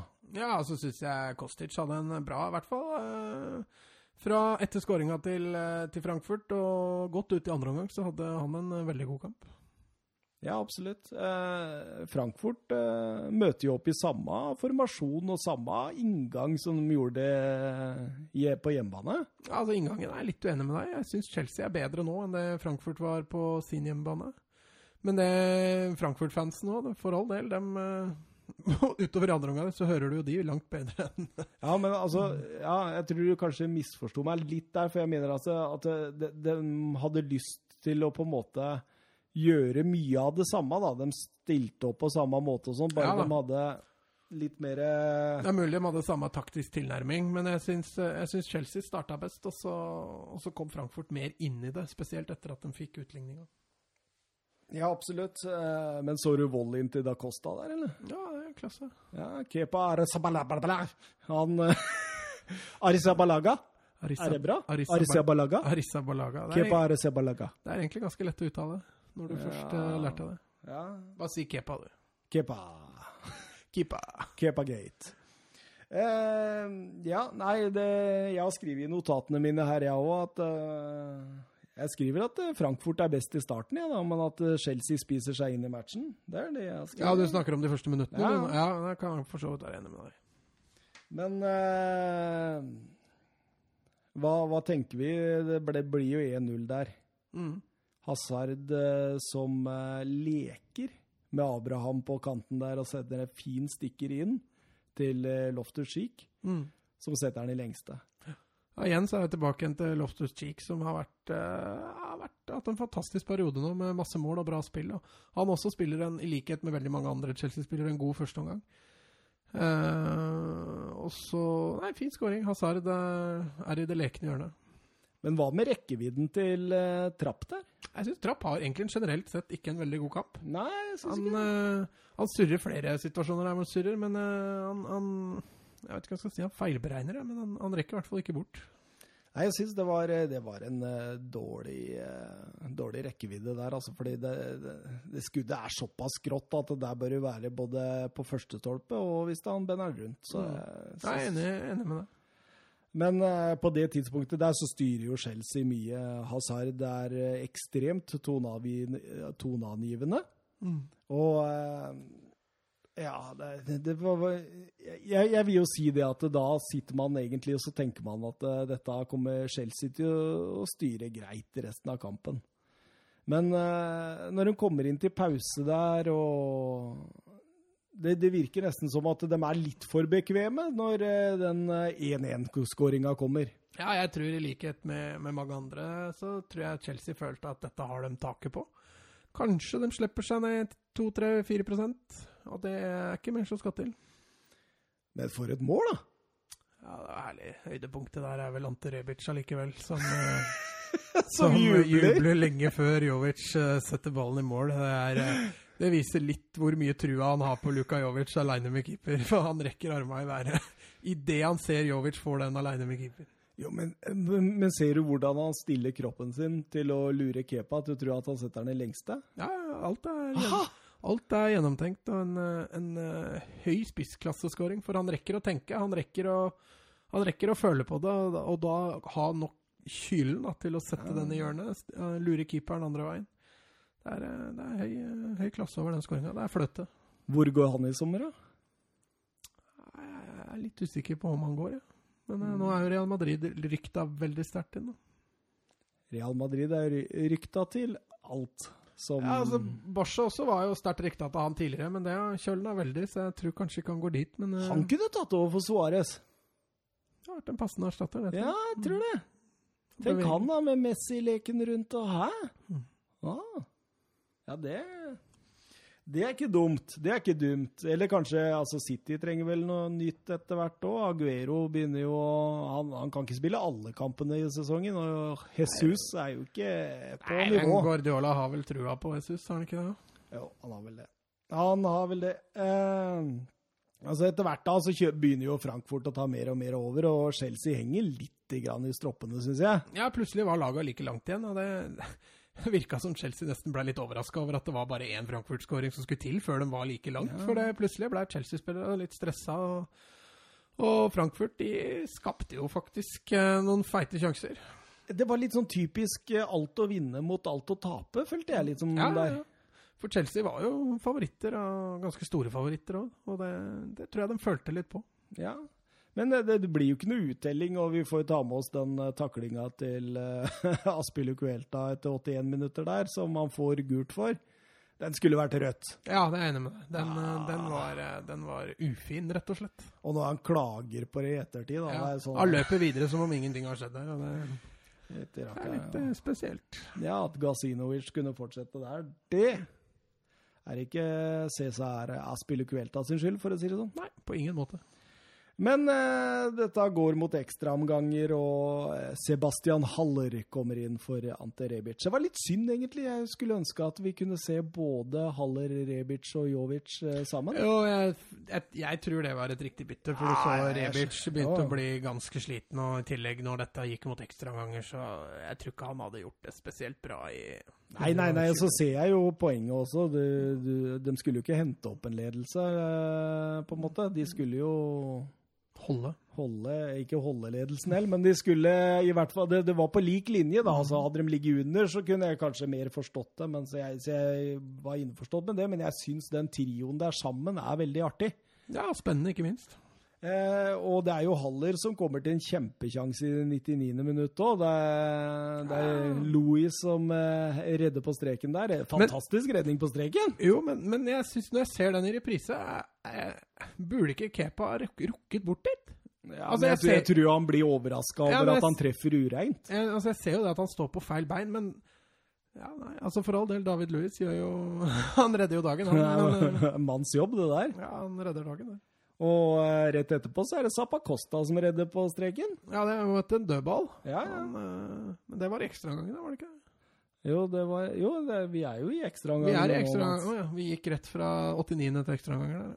Nei, 99. Og var 99. du sa. Jeg du sa må du høre på podkasten vår for å høre at jeg har rett her. Ok. Nei, jeg skal ikke si det med 100 sikkerhet, men eh, nei, det var jo i 99. minutt eh, Haller eh, hadde denne kjempekjansen sin. Ja, for i ekstraomgangene så var det Frankfurt som produserte mest og størst. Ja, ja, for og de, eh, fortjente dette egentlig, syns jeg. Og særlig der når andre blir redda på streken der, Mm. Så syns jeg Da var det Ja, altså En Frankfurt-skåring der ville jo gitt det avansementet. Da, ikke, da måtte Chelsea ha to mål, og, og sånn som kamp, kampbildet var da, så var det Frankfurt som, som pusha litt for den skåringa. Det var de som Men så du Aspille Kuelta jubla etter 115 minutter der, da? Ja, han eh, trodde han hadde skåret, han. Ja, men eh, er ikke Aspille Kuelta en fæl fyr? Eh, jo, nå kjenner jeg han jo ikke, da, men eh, Han virker litt sånn Altså, det er, det er en sånn Klyse. kny- knyttnevemagnet. Ja, litt sånn eh, Ja. Ja, det, det, altså, vet du hva? Altså så du han bomma på straffa, og måten han reagerte på med å klappe seg sjøl i hendene. Det er så old school sånn ja, Jeg flirer, ass. Han, han er kanskje litt småharry og fæl. ja, jeg ser hva du mener, men Ja, jeg har ikke sett han så mye som du har gjort, så Nei, han har jeg sett mye. Litt for mye, egentlig. Jeg skulle sendt den gjerne tilbake til La Liga, jeg, altså. Han kommer egentlig ikke fra La Liga, da. Men Han kom fra fransk fotball, jeg er klar over det, men han har vel vært i La Liga en gang, har han ikke han har en fortid. Ja. Hvem for da? Nå Ja, jeg er ikke helt sikker. Jeg må sjekke det opp. ja, Noe som sier meg sånn der ah, Ja, litt sånn Valencia Ja, jeg skal ikke si det sikkert. Eh, mens du sjekker opp det, så blir det jo et enormt press på meg å levere noe godt her nå. Da, da kan jeg begynne å snakke om at eh, kampen endte jo med straffesparkkonkurranse. Eh, Frankfurt skårer på de tre første og nevnte Aspilicuelta. Han eh, bommer. Derfor står det 3-2 til Frankfurt på straffer. Ja, altså Jeg syns Frankfurt fikk en kjempestart på den straffekonken. Og jeg syns Arsenal Arsenal, Chelsea-spillere de, de så nesten litt De så nervøse ut. Mer nervøse enn Frankfurt-spillere gjorde. Og da, Ja, men det, igjen så er det mer å tape, vet du. jo, jo, jo, jo. De har mer å tape. Altså, det, dette her kan redde sesongen til både Sarri og Chelsea, ikke sant? Ja, det, det er jeg for så vidt enig med deg i, men når den bommen til Aspilicueta kommer der, så nei, jeg, jeg, Da satt jeg med en følelse at dette kom Frankfurt til å vinne. Men så setter Louis eh, 3-3 der. Han er jo safe på straffer. Han eh, klinker den jo ned i hjørnet der. Og så plutselig kommer det to bommer fra Frankfurt, og Ja. Hazard får eh, Kepa ble jo den store, jo den store helten, selv om det var Så du den der eh, fire, fjerde straffa til Frankfurt Men- der? Han bare kliner til. Når han uh, hint, hint, Hitzenberger Hitz, Nei, Hinteregger eller noe? Hinteregen Når han går fram der jeg, jeg tenkte på det. Han kommer bare til å kline til. Han kommer ikke til å Ja. plassere. Han kommer ingenting. Så Sånn hvis Kepa, midtstopperopplegg. ja, det er sånn typisk sånn derre Ja. bautastopper-type. Så hvis Kepa står på den, så Mm. kommer han til å redde. Det var det jeg tenkte før den straffa. Og akkurat det kommer skjedde. Hvorfor ble du eh, spiss, eh, Mats Gran? Ja, jeg kliner aldri til. Eh, ja, Hintreger eh, var han het. Han eh, skjøt rett på. Det, det var jo så vidt han sneik seg holdt på å snike seg inn under der. Da. Nei, men han sto jo, han sto jo så Ja. Kepa tok det. Ja, det, det var nok studert på. Eh, Osasuna, forresten. han. Osasuna, ja. Jeg hørte en eh, greie om han at eh, det var et eller annet sånt at det var en eller annen trener i Osasona eller et eller annet sånt som sa det til ham at eh, de hadde ikke tro på han, da. Nei, han spilte Spilte ikke så mye Eller han spilte for så vidt. Jo, men det, men det, det var et eller annet sånt med at eh, jeg vedder på at du aldri kommer til å få landskamper for Spania, liksom. Fordi han, du eh, Men det fikk han. Han tok i så fall feil. Ja, han gjorde det. Eh, det var litt sånn eh, ja, Men, men han gikk jo fra Osasuna i 2010, da. Så det er lenge siden er lenge han har vært i Spania. Ja. Um, ja, så får jo Hazard matchball da, etter to Kepa-redninger. og... Ja, men du ser jo Chelsea-spillere. De, de løper jo bort til Kepa. De løper jo ikke til, til Hazard. Nei. Så det var eh, han som ble oppfatta, og, og for så vidt fortjent. Ja, ja. ja absolutt, absolutt. Uh, Chelsea videre. Chelsea hadde 16 avslutninger, 7 på mål, 60 av eh, ballen. Ja, altså mye takket være den starten, eller starten, altså den midtperioden i første omgang, hvor Chelsea styrte veldig mye. Ja, for det er det jeg skal fram til nå. Frankfurt har eh, 14 avslutninger, 5 på mål og 40% Så når vi sitter her og så sier at Frankfurt hadde fortjent dette, så er jo ikke tallene enige med oss. Nei, men hvis du altså, Du som er en sånn statistikkmann. Ja, men når du ser kampen, altså Altså, når du ser den kampen her over to kamper, da, så kan jeg Altså, at Chelsea vinner dette på straffekonk, er, mener jeg er for så vidt riktig. For Chelsea var hakket bedre første kampen. Jeg syns det er en jevnere kamp på, på Stamford Bridge.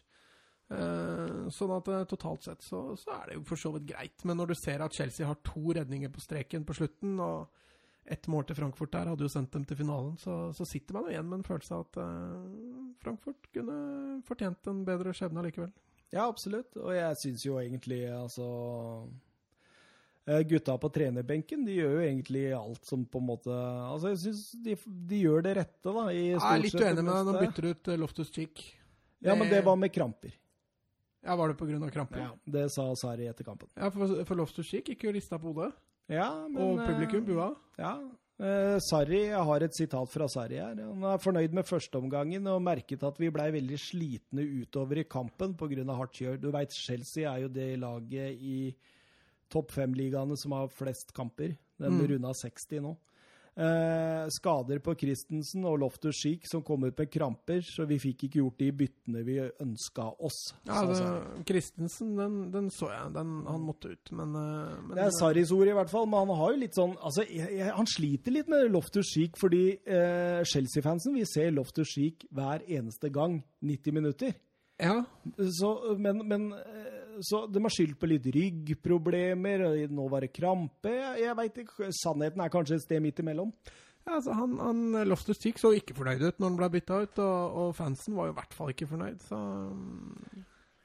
Nei, altså, også, det var liksom merkelig bytte, og tar ut eh, Loftus Cheek, og så setter han inn mer defensivt uh, kraft der, så Ja, Var det ikke Var Barkley?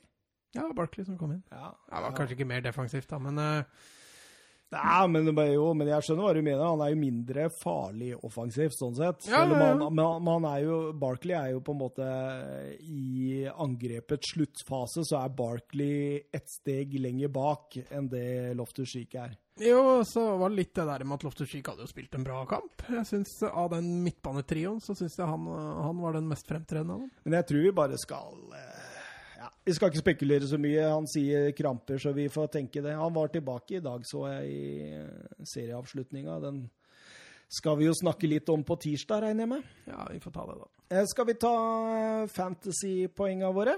Kjør, du. Ja, eh, jeg har skrevet Edna Sard, tre poeng. Jeg har skrevet Loftus Cheek, to poeng. Og så har jeg skrevet Kostic, ett poeng. Ja, helt enig, faktisk. Jeg trodde du skulle ta Jovic eller noe sånt. Jeg, på Oi, oi, oi. Men uh, greit, jeg er enig. Men egentlig burde jo Rebic fått et poeng bare fordi han jubler før Jovic har Ja. skåra der. Men uh, Kostic syns jeg hadde en eh, bra kamp. Så da er det finale, da. Finale onsdag 29. mai. Og finalen spilles i Baku. Ja, Arsenal-fansen så jeg var rimelig fornøyd med. Chelsea-fansen er sikkert ikke noe mer fornøyd. Det var en togtur som svarte i Hvor lenge varte den togturen? Åh, det Jeg tør ikke å tenke på Det det. to uker, eller? Nei, det var, kan ikke stemme. Nei, det var fall- Garantert noen som tar den togturen. Det var i hvert fall dritlenge. Og så, nei, det var, men jeg så også de prisene de hadde på de billettene, både i Baku og i Madrid, var jo Ja, det begynner å bli voldsomt nå. Ja, altså det var 6000 kroner for en, eh, en av de dårligste billettene. Og da bodde du på, på et hotell 16 km unna stadion. så- Ja, men det er jo sånne hotell... mm, Hotellene skrur opp prisen og sånt òg, vet du. Ja, ja. Altså, det var jo hotell i Madrid som gikk 10- og 12-gangeren eh, Mm. til den eh, helga Tottenham og Liverpool møtes. Det er klart det. Altså, Man forstår jo selvfølgelig businessen i det, men det er veldig synd for fotballen. Ja, absolutt. Eh, hva tenker vi om finalen her, da? Chelsea-Arsenal London Derby. Ja, det blei jo tre London-lag i, i finalen, så det er den store, store fotballhovedstaden for tida. Men eh, nei, jeg, der jeg er litt mer eh, føler litt klarere at Liverpool vinner, så, så syns jeg den kampen er litt mer åpen. Jeg føler Chelsea styrer eh, Altså inngangen til Chelsea tror jeg blir litt mer avgjørende i den kampen, åssen det ender. Men jeg, ja, hvis jeg skal må tippe, så holder jeg en knapp på Chelsea. Ja, eh, jeg eh, syns jeg har lest noe om at eh, Jeg tror det var Hazard som sa det, faktisk. At vi har slitt voldsomt mot Arsenal de to-tre siste sesongene. Tror han sa det etter kampen. Jeg tenkte jeg skulle dobbeltsjekke det greiene der nå. Eh, fordi det har vært voldsomt eh, Arsenal-dominanse de siste åra, etter hva jeg har forstått, da. Ja, det er sikkert bare å sjekke det. det kan vi, vi skal vel sikkert ha en preview av den kampen òg, så da får vi bare ha det klart. Ja, hvis vi går, eh, hvis vi går eh, tre år tilbake, så ble det 2-2 og 0-0. Eh, to år tilbake 2-1 til Arsenal, 1-1 og 3-2 til Chelsea. Det var, møttes også i cup. 2-0 til Arsenal og 3-2 til Chelsea i år. Så det, det, det er en liten. Arsenal, liten Arsenal Ja, Favør, så er det, det. jo, det er vel litt Arsenal å snuble i finaler òg, er det ikke det? Jo, absolutt. Uh, det hadde ikke gjort noe for meg. Tviler ikke. Uh, ja. Eh, Sarri er jo på en måte eh, litt avhengig av dette nå, føler jeg. Han er mer avhengig av det enn Emery, fordi Ja, tror du det? Chelsea ja, sikra jo, sikra jo Champions League. De kan jo Ja. tape, og allikevel så er de i Champions League. Arsenal taper dem nå, så, så blir det Europaliga igjen. Altså. Men forventningene til Chelsea er jo høyere. Ja, altså Det er kanskje flere som meg som holder en liten knapp på Chelsea, og sånn sett litt mer eh, press, men eh, Visste du forresten at Sarri er den første italienske treneren på 20 år som når en eh, Europa League-finale? Nei, åssen skal jeg vite det? Nei, nå skal, jeg, nå skal jeg stelle deg en liten sånn eh, her. Ja, kjør på. Sist, sist tre, italienske trener som uh, leda et lag i en Europa Ja, da snakker var, vi eh, Uefa-cupen, da. Ja, men eh, det går jo for det samme, da. Mm. Det er Alberto Malezani og hans eh, Parma som vant eh, 3-0 for 20 år siden mot Marseille. Oi. Jeg tror, 1999, det. Altså. ja, tror du kan nevne noen Parma-spillere på det laget? Eh, Buffon? Ja, Canavaro? ja, Aspria? ja. Jeg er egentlig ganske imponert nå allerede nå, er det ikke det? Ja, jeg er faktisk det. Det er Vent litt, da. Eh, nei, jeg klarer ikke det på sparket. Klokka er ett om natta. Veron? Ja, selvfølgelig. Og Dino Baggio? Ja, Dino Baggio. Det var det neste jeg skulle si. Ja, ja. Ah, Lilian Tyrann? Turam, selvfølgelig. Mm. Det er litt av et lag. Ja, Parma. Nei, det var et storlag i sin tid. Crespo, Vanoli og Enrique Chiesa skårte målene i den finalen. Crespo burde jeg faktisk ha tatt. Ja, Hernan Crespo, det var uh... Ja, storspiller. Absolutt, absolutt. Eh, nei, vet du hva? Nå har det blitt uh... Oi! Vi er på 90 minutter og 9 minutter overtid. Oi, er vi på 100 minutter? Ja. Jesus, Så vi eh, Ja, men det, det, det er så gøy å snakke ball, så! Ja, ja, koser oss. Ja, vi gjør det. Men eh, som vi var inne på også, så vi regner med å ha en liten en ute også på tirsdag. Ja, vi får snakke Premier League-avslutning, og det drar seg til i både Serie A, Bundesliga og La Liga. Så Vi må jo vi vi må, se fram til. Ja, vi må jo close Premier League nå. Det var jo, ble spilt i dag, så vi veit jo hvordan det gikk. Men eh, vi, vi, vi vil jo gjerne gjøre dette ordentlig, og da må vi jo se en del av kampene. Og det fikk vi ikke tid til i dag. Nei, det rakk ikke. Både vært barnebursdag og trening og Nei, det har ikke hatt så mye tid i dag. Nei, jeg har vært på jobb i tolv timer, og så dro jeg rett hjem og så Tottenham Everton. Ja, så da avslørte du litt hvem du heller mot. Ja, jeg har gode tider, Mats. Jeg har veldig gode tider. For vi er over Arsenal på tabellen nok en gang. Det er Champions League. Vi er i Champions League-finalen. Og vi skal begynne å kjøpe spillere neste år, og vi er i vår egen storstue igjen. Å, nå Framtiden er Lily White. Vi får se, da. Hvis vi vinner finalen, så skal vi fortsette inn og trekke seg, så veit jeg kanskje Ole Gunnar Solskjær blir ledig snart. Ja, vet du hva? Etter 2-0 mot Cardiff i dag, jeg tror han er done, jeg, altså. Jeg Tror tror ikke de tør å starte en ny sesong med han. Men du, vet du hva? Jeg, jeg var inne og kikka på Twitter vet du, når uh, Cardiff skårte det 2-0-målet. Mm. Tapetsert med so Ole out, Ole out, Ole out. Det, det der der, det kan fort smelle, det. Ja, de var nok litt for kjappe med den eh, kontrakta til Ole Gunnar Solskjær. Han har virkelig Ja, jeg syns synd på han, altså. For han uh... Så en kompis av meg også, som var over der nå i dag, han snakka nå om at han tok med seg den der grønne drakta for å demonstrere noe mot uh, Woolward og han der andre Altså, Ole Ole. Solskjær er i hvert fall helt avhengig av hva de henter i sommer, hvis dette skal rette på, fordi Ja, men hvorfor skal United ta sjansen på han nå? De, de kan jo ikke det. Altså, De nå, nå går de inn i et nytt Ansatten. De kan, jeg, jeg tror ikke de kvitter seg med han nå. Nå blir det en pause i sesongen. Også. Ja, men de skjønner jo de har driti seg ut. Skal vi ta den diskusjonen på tirsdag, kanskje? Kanskje det. Vi tar den på tirsdag, og så sier vi god natt og ha det bra. Det var hyggelig at du hørte på. Adjø, adjø. Adjø.